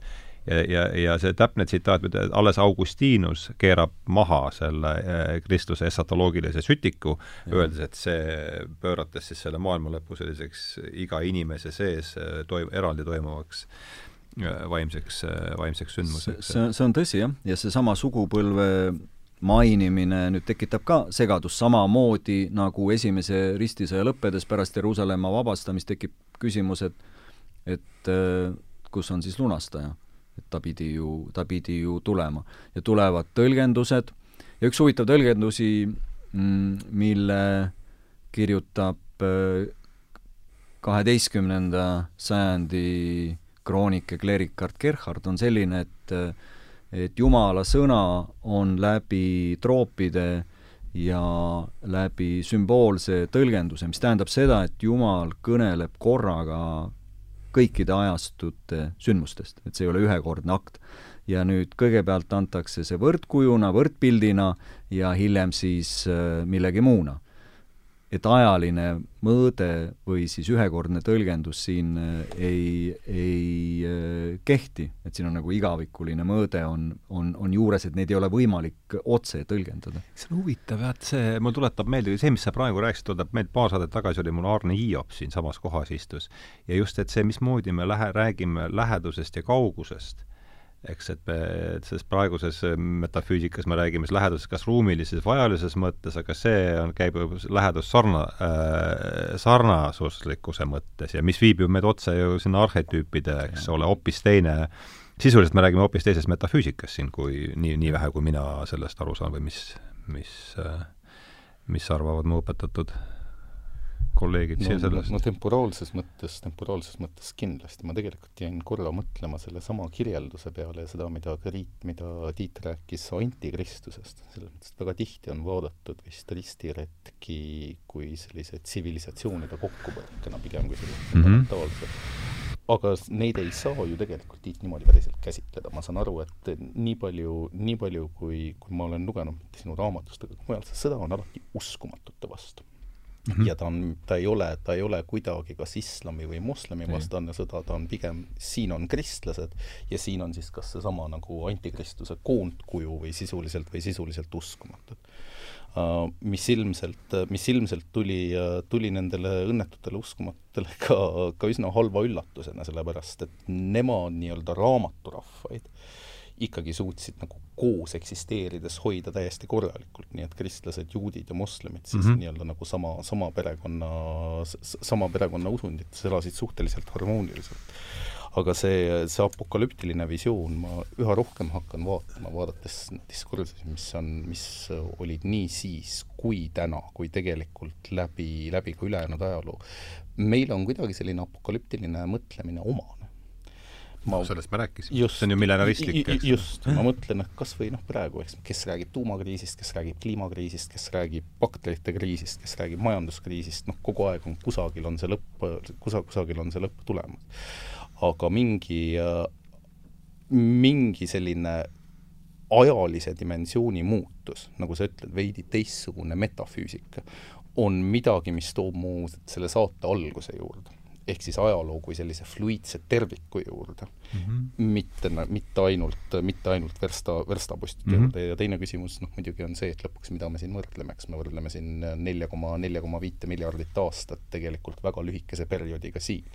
ja kui ta tõmmata laiemasse konteksti, siis see ajaline mõõde kaotabki oma olulisuse ja see, mis meile annab selle olulisuse ja see, mis, millest võib-olla ristisõdijad tänu sellele samale usulisele vaimustusele lahti said, oli seesama nii-öelda meie, meie ajalise eksistentsi algus ja lõpp. sellepärast, et kui sa oma mõõt-, mõõtekava muudad, nii nagu te just seda kirjeldasite, siis, siis ega sa surma enam väga ei korda ja palju parem on, on selle koha pealt see, kui sa ei vaata kõike kolmekümne, neljakümne aasta perspektiivis, nii nagu seda tehti siis või nii nagu meie seda teeme siis ütleme, kaheksakümne, üheksakümne aasta perspektiivis mm, -hmm. aga sa vaatadki seda kui suurt tervikut. ja see annab, see annab väga-väga tugevalt, väga tugevalt jõudu, väga tugevalt jõudu juurde. ja see ebakindlus mm, -hmm. mis tuleb sealt Tiidu tsitaadist suurepäraselt välja, on sellesama mündi nagu läbivalt teine pool alati mm. -hmm. tuleb siiski, see on midagi, mis mind alati on mõtlema pannud sellest ainest äh, kirjutades, et me lähtume sisuliselt propagandistlikest äh, tekstidest. et me mm -hmm. lähtume sündmuse seletusest. keegi on mõtisklenud, äh, sirvinud pühakirja ja pannud kirja oma interpretatsiooni, kuidas see kõik nüüd oli. nüüd õnneks, ja seda on ka täpsustatud, on siin teatud sellised saared kogu selles, kogu selles meres, kus autor on olnud väga täpne ja need kirjakohad langevad kokku kroonikates, on sellist neli baaskroonikat ja tundub, et neid tegelikke algtekste on kaks ja üks on, üks on kaduma läinud. nii et nendest kordustest ja interpretatsioonidest saab aru. aga nüüd osad kroonikud on, on väga tähelepanelikult kuulanud ja kirja pannud osavõtjate pajatusi või, või mälestusi ja, ja, ja need on olnud täpsed. ja kõik see on äh, kootud justkui sellise jumaliku ajaloo, ajaloo kangasse, püüdes siis seletada, mis tegelikult äh, toimus.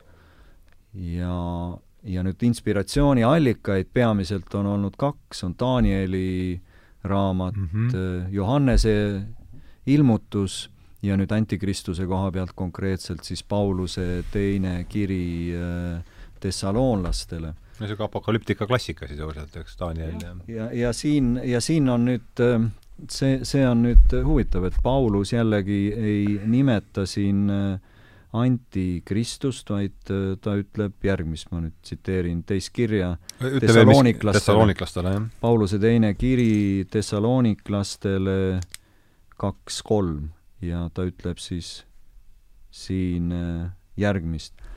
ärgu ükski teid petku mingil kombel, sest see päev ei tule mitte enne, kui on tulnud ära taganemine ja saanud avalikuks ülekohtu inimene, hukatuse poeg, kes paneb vastu ja tõstab enese üle kõige, mida nimetatakse jumalaks või jumalateenistuseks, nii et ta istub Jumala templisse ja ütleb enese olevat äh, Jumala. nüüd selle tõlgendus siis Antikristuse erinevates ajalugudes on järgmine.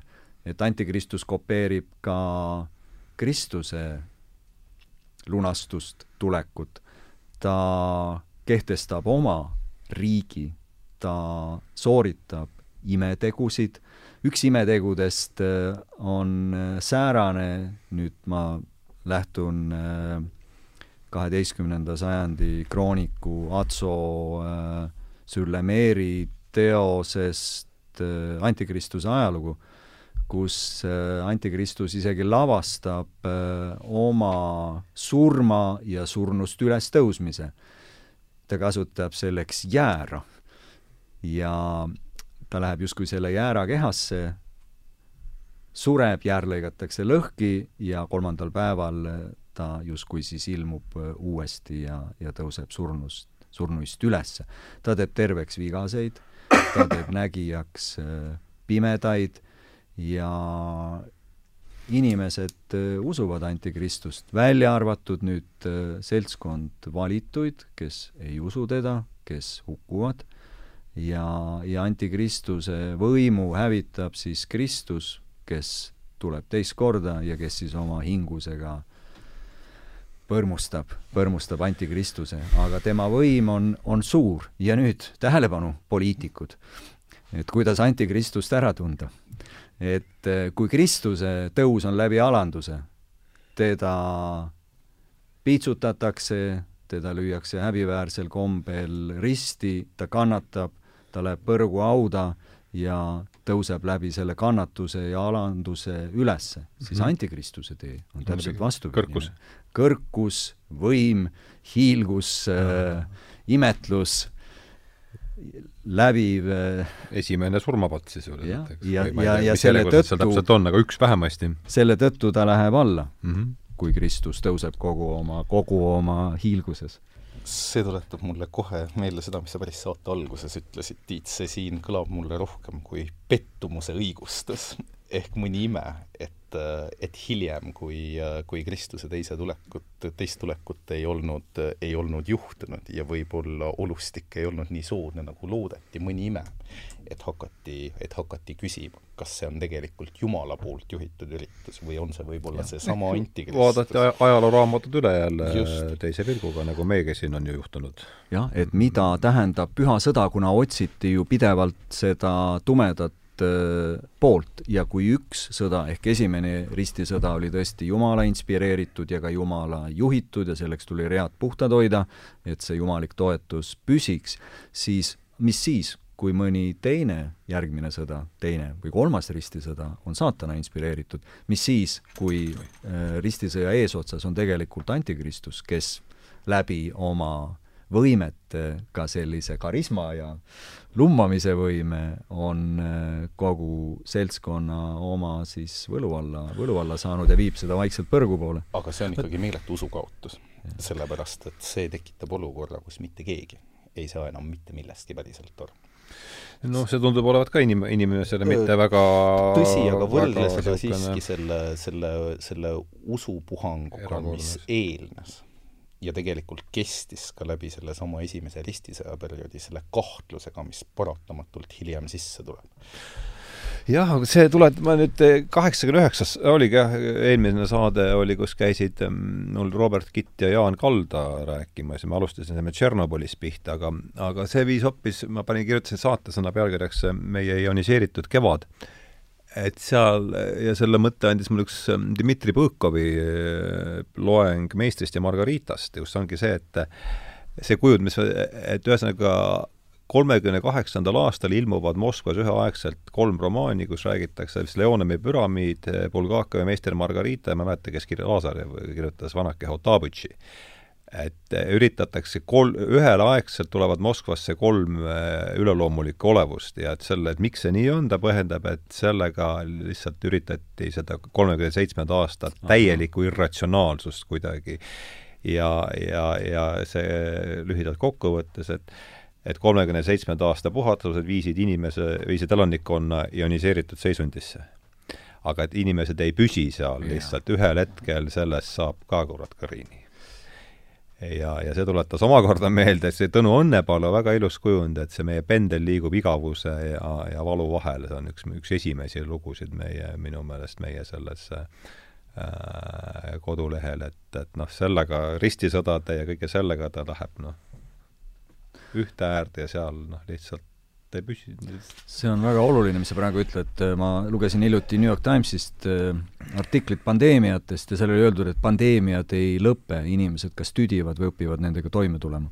ja just, samamoodi see ioniseeritud seisud, me ei saa olla ka pidevas ülevuse, hirmu või harduse seisundis, et, et ühel hetkel see, see ammendab. äh, ammendab ennast, aga ma hakkasin mõtlema nüüd, minnes tagasi korraks Magnitogorski raamaturadadele anna mulle pärast selle artikli viide, see, see tundub olevat, mul on täpselt sama tunne. kas sellel ajal, kolmekümne seitsmendal aastal ei süvenenud see tendents, et Stalinit ennast enam avalikel üritustel väga kohal ei olnudki, et kanti tema pilti mm, -hmm. mis oli siis justkui ikooni eest ja no,, ja nüüd seesama üleloomulik jõud kirjanduses, üleloomuliku tõus äkki oli, oli kuidagi sellega seotud.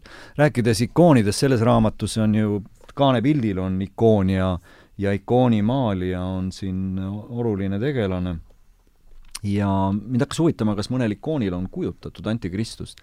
ma küsisin ühe oma sõbra, kes on ikooni ekspert, käest, ja ta otsis mulle välja sellised ikoonid. et on täiesti olemas, tähniline nagu leopard.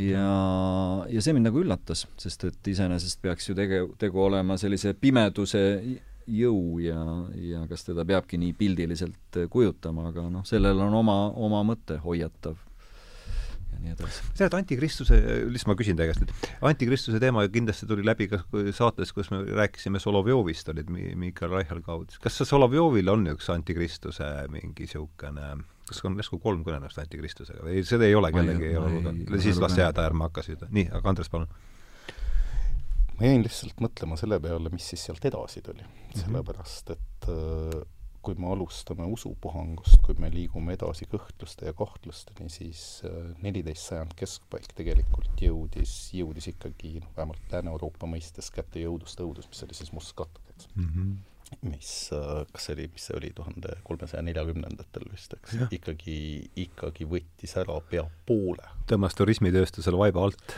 noh, see on, see on, see on, see on leebelt öeldud, ütleme niimoodi, et ainus asi, mida, mille, millega ma suudan seda võrrelda, on võib-olla see, mis juhtus Lõuna-Ameerikas siis, kui, kui hispaanlased ja mhm. portugallased sinna, sinna ühel hetkel natuke hiljemalt jõudsid. aga ma jäin just panema sedasama kokku selle isikliku vastutusega, see, mis tuleb välja Tiidu raamatutest ja see, mis tuleb ajastust suuresti välja, on ikkagi teatud selline isiklik vastutuse võtmine, tulles siin Stalini ikoonide ja kõige muu juurde ja nüüd, kui ma hakkan võrdlema seda, kuidas eriti, kuidas tekkis vabariiklik traditsioon ja kuidas ühel hetkel ikkagi vähemalt, vähemalt Itaalias need, kes tegelikult valitsesid, tõmbusid tagasi. ehk nad valitsesid endiselt, aga nad valitsesid äh, sisuliselt läbi, lühidalt tekkis mingisugune selline kaitsemehhanism. Sellepärast, et, et pärast musta katku, pärast kui saadi aru, et tegelikult äh, see, see, see, on peaaegu et nagu, nagu teatud nagu sellise populaarse või rahva jõu tekkimine, millega, millega suur osa nagu tolleaegseid poliitilisi juhte siis püüdis hakata kaitsma iseennast läbi selle, et nad viitasid mingisugusele traditsioonile, mis ei, mis ei pannud neid üksinda eesliinile. kõik teadsid, et nemad on need, kes tegelikult kõike otsustavad. Aga sellegipoolest nad vähemalt säilitasid fassaadi, et see käib läbi teiste mehhanismide. ma arvan, et selline, selline nagu maine riskihaldusmehhanism, mida, mida sellel perioodil siin ka praktiliselt üldse ei ole, hakkas tasapisi, hakkas tasapisi sellesse Lääne-Euroopa valitsemisvormi tulema äh, no mina muidugi mõtlen sa räägid siis nagu mingist sekulariseerumise ilmalikustamise idust nagu või äh, sain ma seda õige, ma, võib-olla mul korraks mõtlen, hajus ei, see, mis ma tegelikult mõtlesin, on see, et äh, on see, et kui sa võtad selle perioodi, mida me siin oleme käsitlenud mm, -hmm. siis sul oli valitseja mm, -hmm. valitseja tahtis olla valitseja, ta tahtis olla nähtav valitseja ja tänu feodaalsele korraldusele oli selge, et seal oli oma väga selge hierarhia no,. ta oli ikka sümbol. ta oli, ta oli sümbol, sümbol. ja kui me paneme selle nüüd kokku, siis selle antikristuse, kogu selle antikristuse temaatikaga, millest, millest millest Tiit rääkis, kus me võtame kõrkuse ja alandlikkuse. ja kui me võtame siis selle paratamatu, paratamatu no ütleme ikka üsna, üsna õnnetu hävingu, mis tabas, mis tabas Euroopat neljateistkümnendal sajandil, pannes selle veel omakorda kokku vabariikliku traditsiooniga teatud kohtades, siis see, mis juhtus selle, selle perioodi jooksul, oli see, et need, kes ennem või kes soovisid vägagi olla eesliinil, kui ainuvalitsejad mm, -hmm. hakkasid ennast tasapisi puhverdama. Mm -hmm. läbi, läbi selle, läbi selle, et nagu säilitades tegelikku võimu, lõid nad erinevate ütleme, kehvemate stsenaariumite vastu puhvrid. et, äh, et lühidalt mm neid, neid, neid selliseks täpiliseks, täpiliseks tegelaseks ei peetaks. ja, ja vaba, ega ikkagi niisugune vabariiki, sekulaarse vabariigi sellised idud ma on ikkagi, mina sõnastaks enda jaoks, nii, olen ma väga äh, möödas selle tõlgendusega või? Ma räägin praegu Itaaliast ja ma arvan, et, ma arvan, et mitte, noh, see, seal, seal me tuleme, eks me tuleme renessansi juurde, mis ongi noh, tegelikult eks ju, ju mõeld-, mõeldud taassünnina, eks, ja, ja teatud Rooma ideaalid, mida siis seal oli rohkem või rohkem või vähem. aga ikkagi noh, kohtades nagu, nagu Firenze, noh, Veneetsia oli tegelikult see koht, kelle konstitutsioone ja riigivalitsemist äh, mingis mõttes teised püüdsid emuleerida, Firenzes mm, -hmm. Firenzes eriti äh, aga seal oli see pigem lihtsalt äh, ühest küljest riskihalduslik pool valitsejatele, noh ja siin ma räägin pigem nagu, nagu Cosimo, Piero ja Lorenzo de, de Medicidest, kes mm, -hmm. kes ikkagi valitsesid, valitsesid Firenzet suure osa viieteistkümnendast sajandist. ja kõik teadsid, et see niimoodi on, aga nad ei teinud seda kunagi otse. Nad ei andnud endale sellist positsiooni kus äh, neid oleks võinud, võinud pidada siis, kuidas ma siis ütlen, ilmalikuks kõrgiks valitsejaks. Savonarola jätkas täpselt sedasama, aga kuna üks, ta oli, ta oli usulik, ta, ta oli, ta oli usklikku seisundist ja kaks, kuna ta ei olnud Firenze kodanik, siis täpselt samamoodi tema, tema nii-öelda valitsemine toimus läbi tema, tema poliitilise partei, kutsume siis seda niimoodi, tal ei olnud mitte mingisugust formaalset positsiooni. aga see traditsioon ise ikkagi, ikkagi rajanes, rajanes vara, varasemale vabariiklikule traditsioonile, mis seal oli ammu olemas ja viimane asi, mida nad tahtsid, oli olla sarnane, kas need olid vist Viscontid ja, ja Sforzad, kes siis olid. Milanos ja isegi ei püüdnud varjata seda, et et kui kedagi, kui kedagi tähnikuga võrrelda, siis, siis võiksid nemad selle rolli, selle rolli edukalt üle võtta. Mm,. ja, jah, see on kuidas, kuidas valitseda, et Machiavelli võtab ju need põhimõtted, põhimõtted kokku ja Baltasar Grazianus isegi peenemalt, aga aga tahtsin küsida, Andres, et mis sai Savonarolale saatuslikuks, kas äkki seesama joon, millest sa, millest sa rääkisid või kas oleks olnud võimalik tema võit mingites tingimustes? ma aus ja lühike vastus on, et minu meelest mitte. Uh, ma arvan, et see, see lugu seal on väga õpetlik uh, kõigile neile, kes tulevad väljaspoolt üsna, üsna idealistliku vaatevinkliga ja püüavad, ja püüavad ennast, ja püüavad enna, ennast kehtestada, kehtestada kohas, kus neil ei ole reaalset kus neil ei ole reaalset jõudu. see on, see on Machiavelli kokkuvõte Savonarola kohta, on tegelikult on väga lihtne. ta pidas teda demagoogiks, soolapuhujaks, aga eelkõige, aga eelkõige ta arvas, et tema suurim nõrkus oli selles, et tal lihtsalt ei olnud jõudu. aga see, mis on väga, see, kus mina näen ikkagi peamist seost äh, selle perioodi või Savonarola ja ristisõdade vahel, on seesama ilmaliku ja usuliku põimumine mm. -hmm. sel hetkel, kus äh, Savonarola allakäik algas ikkagi lõpuks sellest, et, äh, et usk põimus poliitiliste mängudega.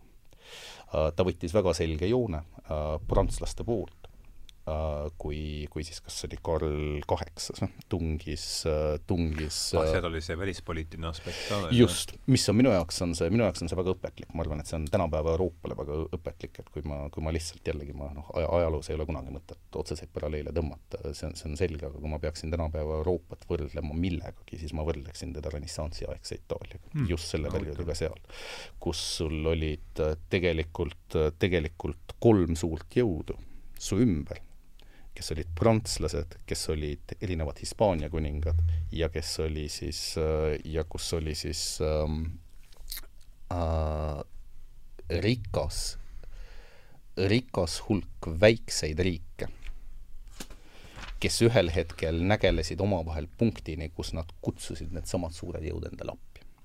ja see hetk, kus, äh, kus Milano kutsus Karl Kaheksanda sisse, tol hetkel Savonarola otsustas pigem jääda prantslaste poolele. Ja noh, Karli huvi oli tegelikult minna Naapolisse, kuna seal oli lihtsalt dünastilised, oli tal oli dünastiline claim, mida ta, mida ta tahtis lisada, aga lõpp, aga pärast seda, kui, kui seesama usuline vorm, mis seni rääkis lihtsalt patukahetsusest ja rääkis lihtsalt sellest, kuidas noh, ta, ta ei olnud tegelikult, ega ta ei olnud mingi eriline revolutsionäär, kui, kui, kui vaadata seda, mis oli olnud enne teda, ta oli renessansi aja kohta, ega ta nii radikaalne ka ei olnud.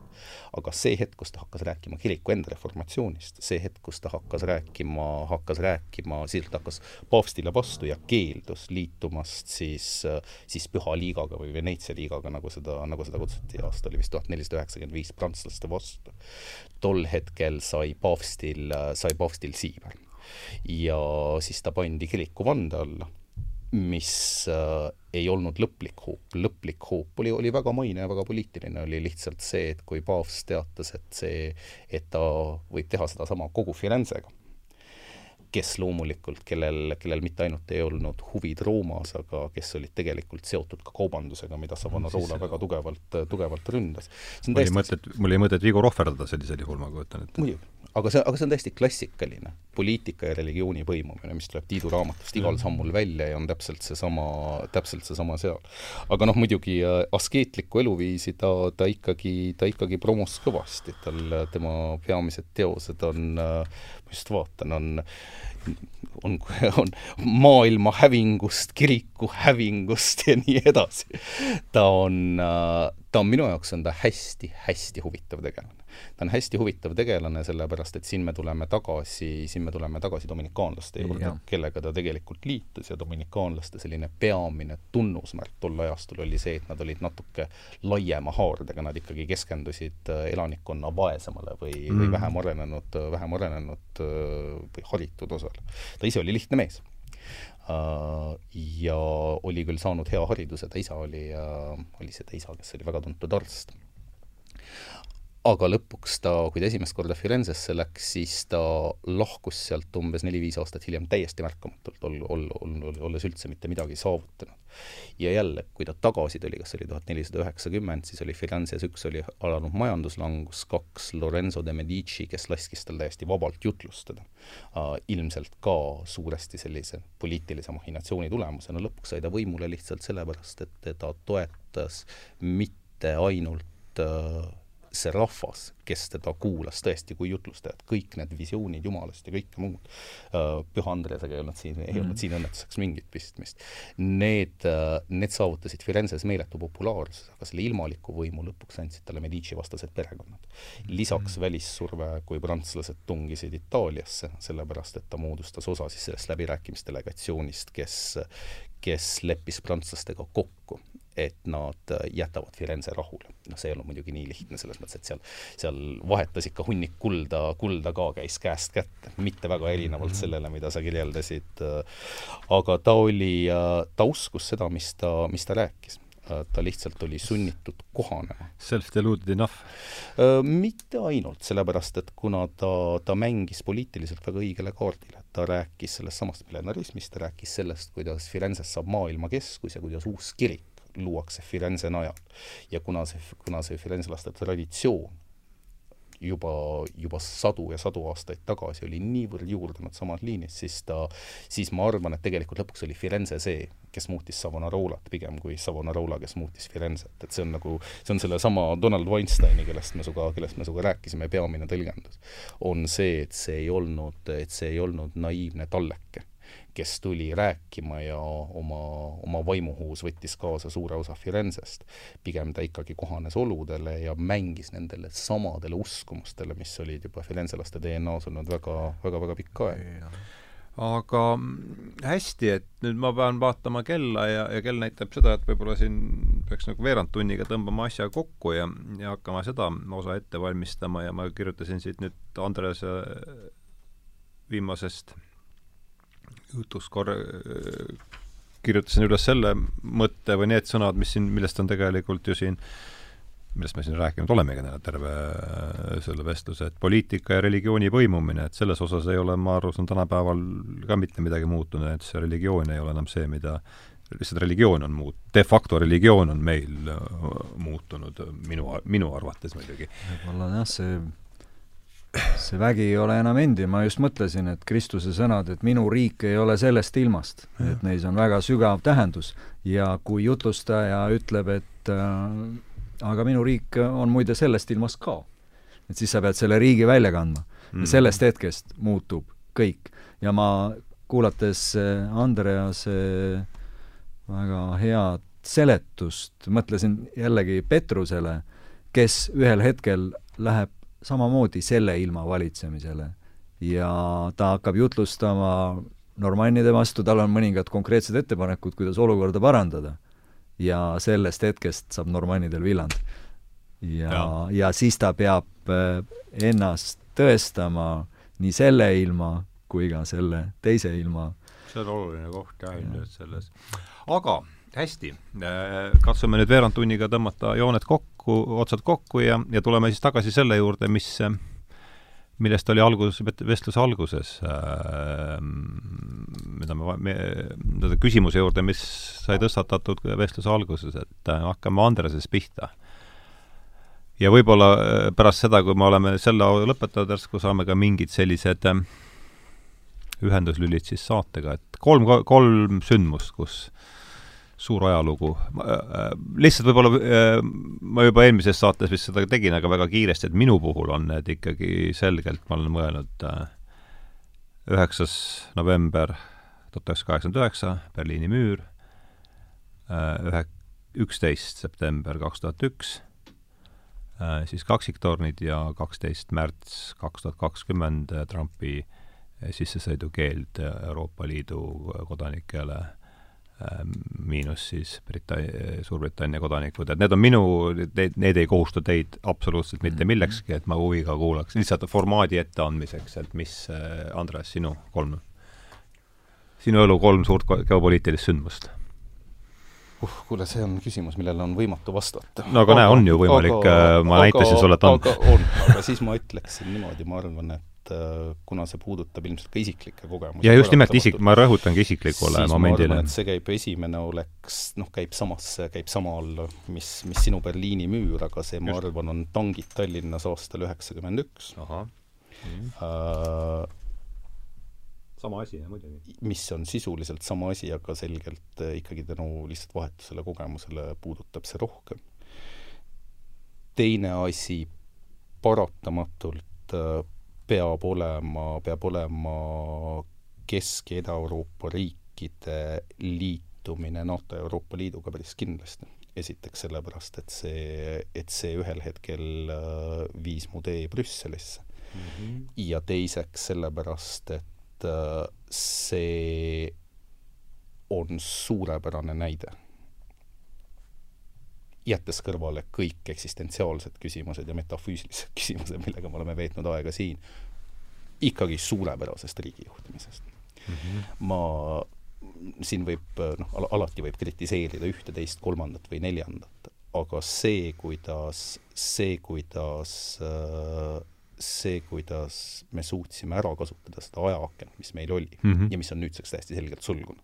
Nagu me näeme, nagu me näeme selle, selle najal, mis toimub Valgevenes ja mis toimub Ukrainas igal pool ja see oli meil kaks tuhat neli või? see oli kaks tuhat neli, jah. aga kolmas? Ja kolmas on, on ikkagi kaks tuhat, noh, ma kutsun seda kaks tuhat kaheksa kuni kaks tuhat kümme aasta, aasta, olgu ta siis finants või majandus. paneme Lehmani siis, et oleks üks kindel kuupäev. paneme, aga ja. jälle isiklikus plaanis lihtsalt sellepärast, et, et teatud, teatud nagu strateegilistes tööstusharudes olin ma, olin ma sunnitud sellega otseselt tegelema. ma ei tee sulle väga liiga, kui ma ütlen Lehmani hukk, et lihtsalt oleks Le Lehmani hukk on, Lehmani hukk oli, oli ütleme, oli ütleme selle algus. ja ma arvan, et et, et suur osa sellest, mis toimub praegu, kaasa arvatud see, mis sa mainisid, mis sa mainisid Trumpi kohta, ma arvan no,, tule, tuleneb suuresti ma olen nõus sellega, absoluutselt nõus. mis on omakorda tankid Tallinnas, eks ole, kui sa tahad, ja me nõuame niimoodi ilmselt Jeruusalemma välja, kui me siit lükkaks. ja fluiidne ajalugu. just nimelt. Tiit, ole hea, sinu kolm. jah, ma jäin hetkeks mõtlema, et kusagil on äh, kohalolek või, või äh, seesama tunne Viivi Luike tsiteerides, et kui sa tajud ajaloo inglit mm -hmm. enda kohal või tajud seda, tajud seda tiiva, tiivalööki. ma jäin mõtlema ka selle üle, et äh, NATO Euroopa Liiduga liitumine, et selle ajal ma töötasin Brüsselis ja, ja meid kõiki noh, kas just hämmastas või üllatas, aga pani mõtlema see, et seal te tuttavaks saitegi või? jah, tenniseväljakul ja et me liitusime NATO-ga varem kui Euroopa Liiduga, sest et see oli ju mõeldud justkui pehme üleminekuga, ülekuna, minekuna, et me saame ühe ja siis liigume teise poole, aga nüüd seesama liitumise fakt ise tähendab, et äh, maailma geopoliitikas oli midagi väga otsustavalt äh, muutunud. et, äh, et see, selle taga on midagi, midagi enamat. siis ma mäletan hetke, kui ma seisin Suitseval Maidanil ja mõistagi ütle, ütle mulle palun, esimene oleks siis nüüd sul veel, ma ei Eesti liitumine NATO-ga mm, -hmm, Eesti, Eesti liitumine NATO-ga ja mida see tähendab tänases Just. päevas, et see oli ikkagi nii et see on teil, see on teil ühine? see on meil, see on meil ühine, jah. siis äh, Maidan, et loomulikult seal enam midagi ohtlikku ei olnud, aga see Maidan suitses, sest et mm -hmm. äh, seal oli tuld antud kahelt poolt ja, ja ta oli tõesti põlenud. sa olid, sa olid ise kohal seal, eks ole?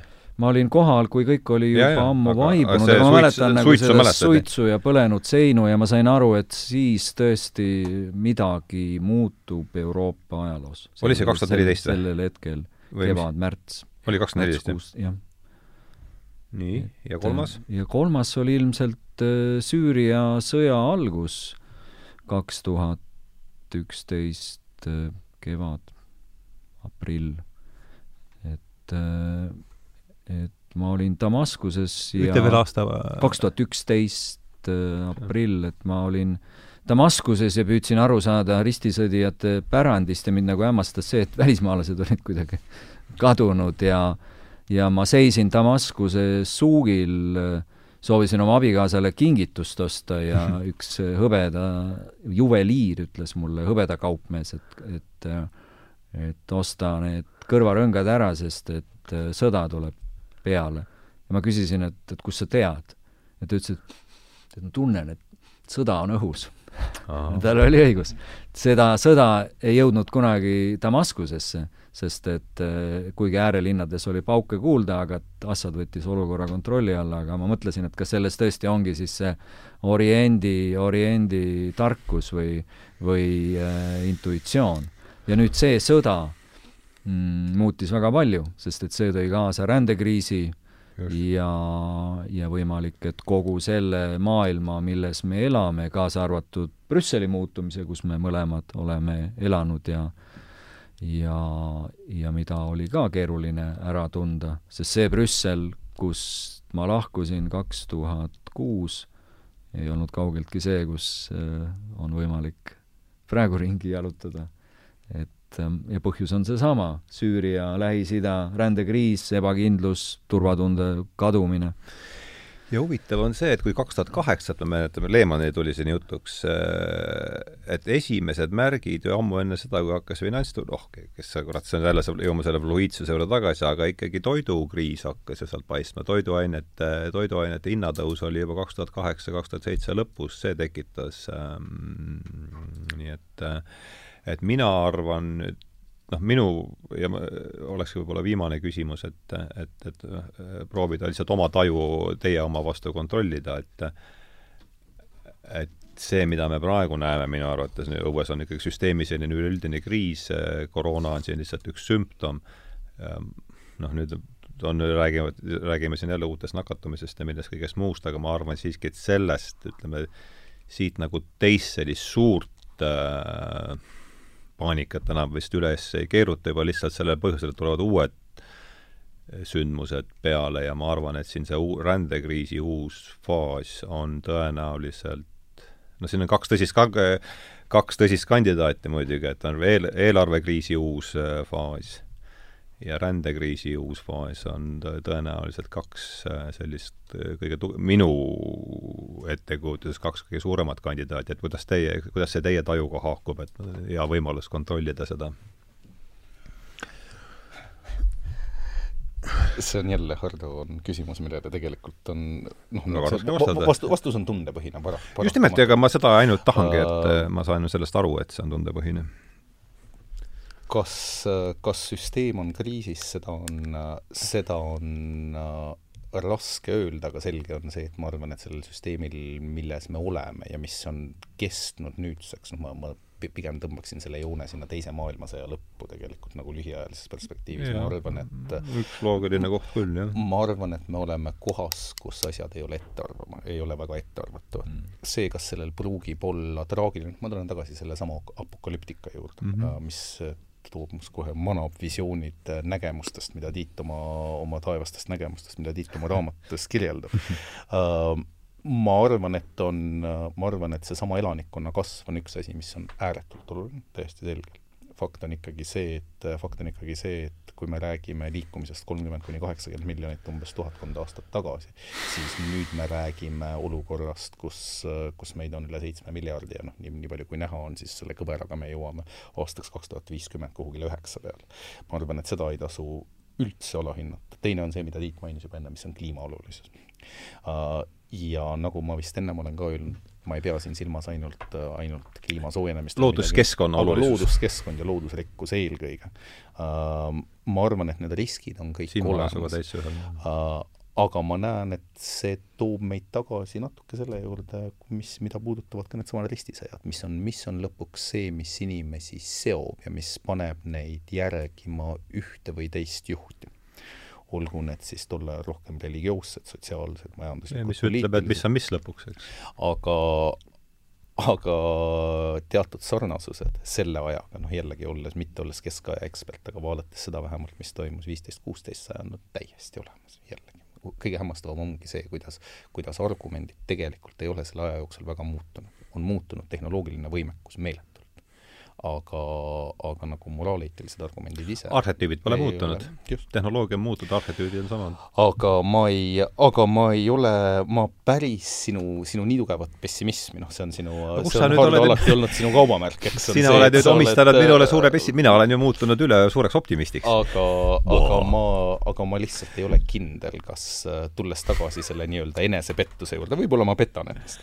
Ma arvan, et kindlasti selles ei erine sa meist ju grammu ei olnudki. küll ma aga arvan, et seesama, et seesama koroonakriis, ta on millegi sümptom ja loomulikult mm. on keeruline. teisest küljest, kui me mõtleme selle peale, mis see oleks võinud olla, mõeldes siin viiruste peale nagu ebolad või zikad või nii edasi mm, -hmm. siis uh, ma arvan, et ta on meile ääretult hea hoiatusmärk sest et see, see, kus, see, kus ma arvan, nagu kõik süsteemid, küsimus on selles, kus on, noh, me oleme tagasi Lorenzo de Medici juures tegelikult, kui palju on selles süsteemis puhvreid. Mm.. ja esimesed kaks kuud koroonakriisi saabumisest näitasid väga selgelt seda, et, et need puhvrid on võib-olla natuke õhemad, kui me arvame, kui me arvame. mis meid muudab? mis muudab maailma kliima, pandeemia, sõda, et need on olnud ja, ja sellest tulenevad siis majanduslikud, majanduslikud äh, muutused. jah, armastus, ma mõtlesin ka selle peale, et mis meid ühendab, kui, kui vaadata üheteistkümnendat sajandit, kas meid ühendab soov hästi ja turvaliselt elada, siis me oleme nagu need suurepärased emiirid, kes hoidsid oma aedlinna ja tõepoolest, sellel hetkel aedlinn jäi kenasti puutumatuks, aga mis juhtis paar, juhtus paarikümne aasta pärast, siis see muutus tundmatuseni. Mm.. et siin on nagu võimalus ehk veidike õppida ja ma usun, et me ei õpi midagi, aga ehk on hea meeles, meeles äh, pidada. ja, ja pandeemiaga seoses ja koroonaga seoses võib tsiteerida Stefan Zweigi, kes ütles, et saatus siseneb kaks korda ja esimest korda ta koputab et praegu see oli koputus mm,. milline Päris tuleb hea. teine sisenemine, seda me näeme mõne aja pärast ja, ja tore on ka nüüd see, et ajalugu ja ka tänast päeva, ajalugu on lihtsam dramatiseerida kui tänast päeva. paljud muutused, mis tunduvad meile üliolulised, ülipõhjalikud, kõikehõlmavad, osutuvad lihtsalt veevirvenduseks ja muutused, mida me tähele ei pane, muudavad kõike. täpselt nii. see on, see, on ääretult hea tähelepanu. ja siin võib Savonu Ruulaga lõpetada issanda mõõk maa kohal ja kiiresti. kaks mõõka või siis jälle John Gray on käinud läbi siit täna mitu korda, et inimese, kuidas see on, inimese teadmatus tulemata, inimese teadmatus tuleviku ees jääb ületamatuks probleemiks, et sellega oleme vast ka sina kindlasti oled vast... ka selles suhtes skeptiline. aga see on vast pigem hea asi või mitte? Äh, selles suhtes jah, pigem eks ta on nagu igas asjas head ja halba, ma arvan.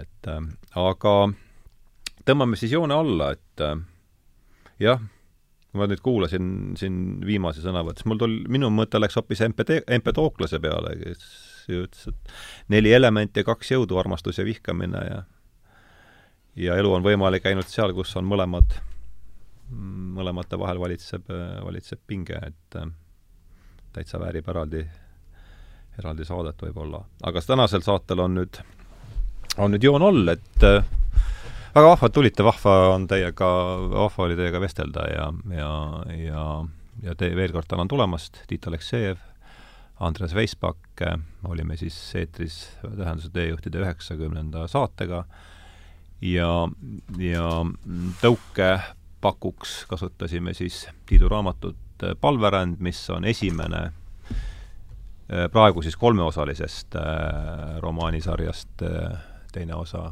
Kindel linn ja, ja kolmas osa Müürideta aed. soovitan, et olen ise küll esimesega poole peal äh,, aga oleme siis äh, ühel meelel selles, et et tegemist, vähemasti poole raamatu peal võib juba öelda seda, et tegemist on väga hea raamatuga ja ja loodame, et see tekitas huvi, see tänane saade, ja ega siin, mis sa siin ikka rohkem oskad teha aitäh kutsumast ja Johannese ilmutuseni me täna ei jõudnudki. see on, jah, see on äh, Loomeliidu esimehel alati laua peal, et siit saab ka lugeja ise vaadata ja kontrollida kõikvõimalikke märke, et äh, pärast ja, ja pärast päevauudiseid lehitseda, et mis seal, mis on ühist. aga aitäh selle vestluse eest! just, suur tänu sulle, Tiit, ajalootunni eest ka, väga huvitav oli. head õhtut!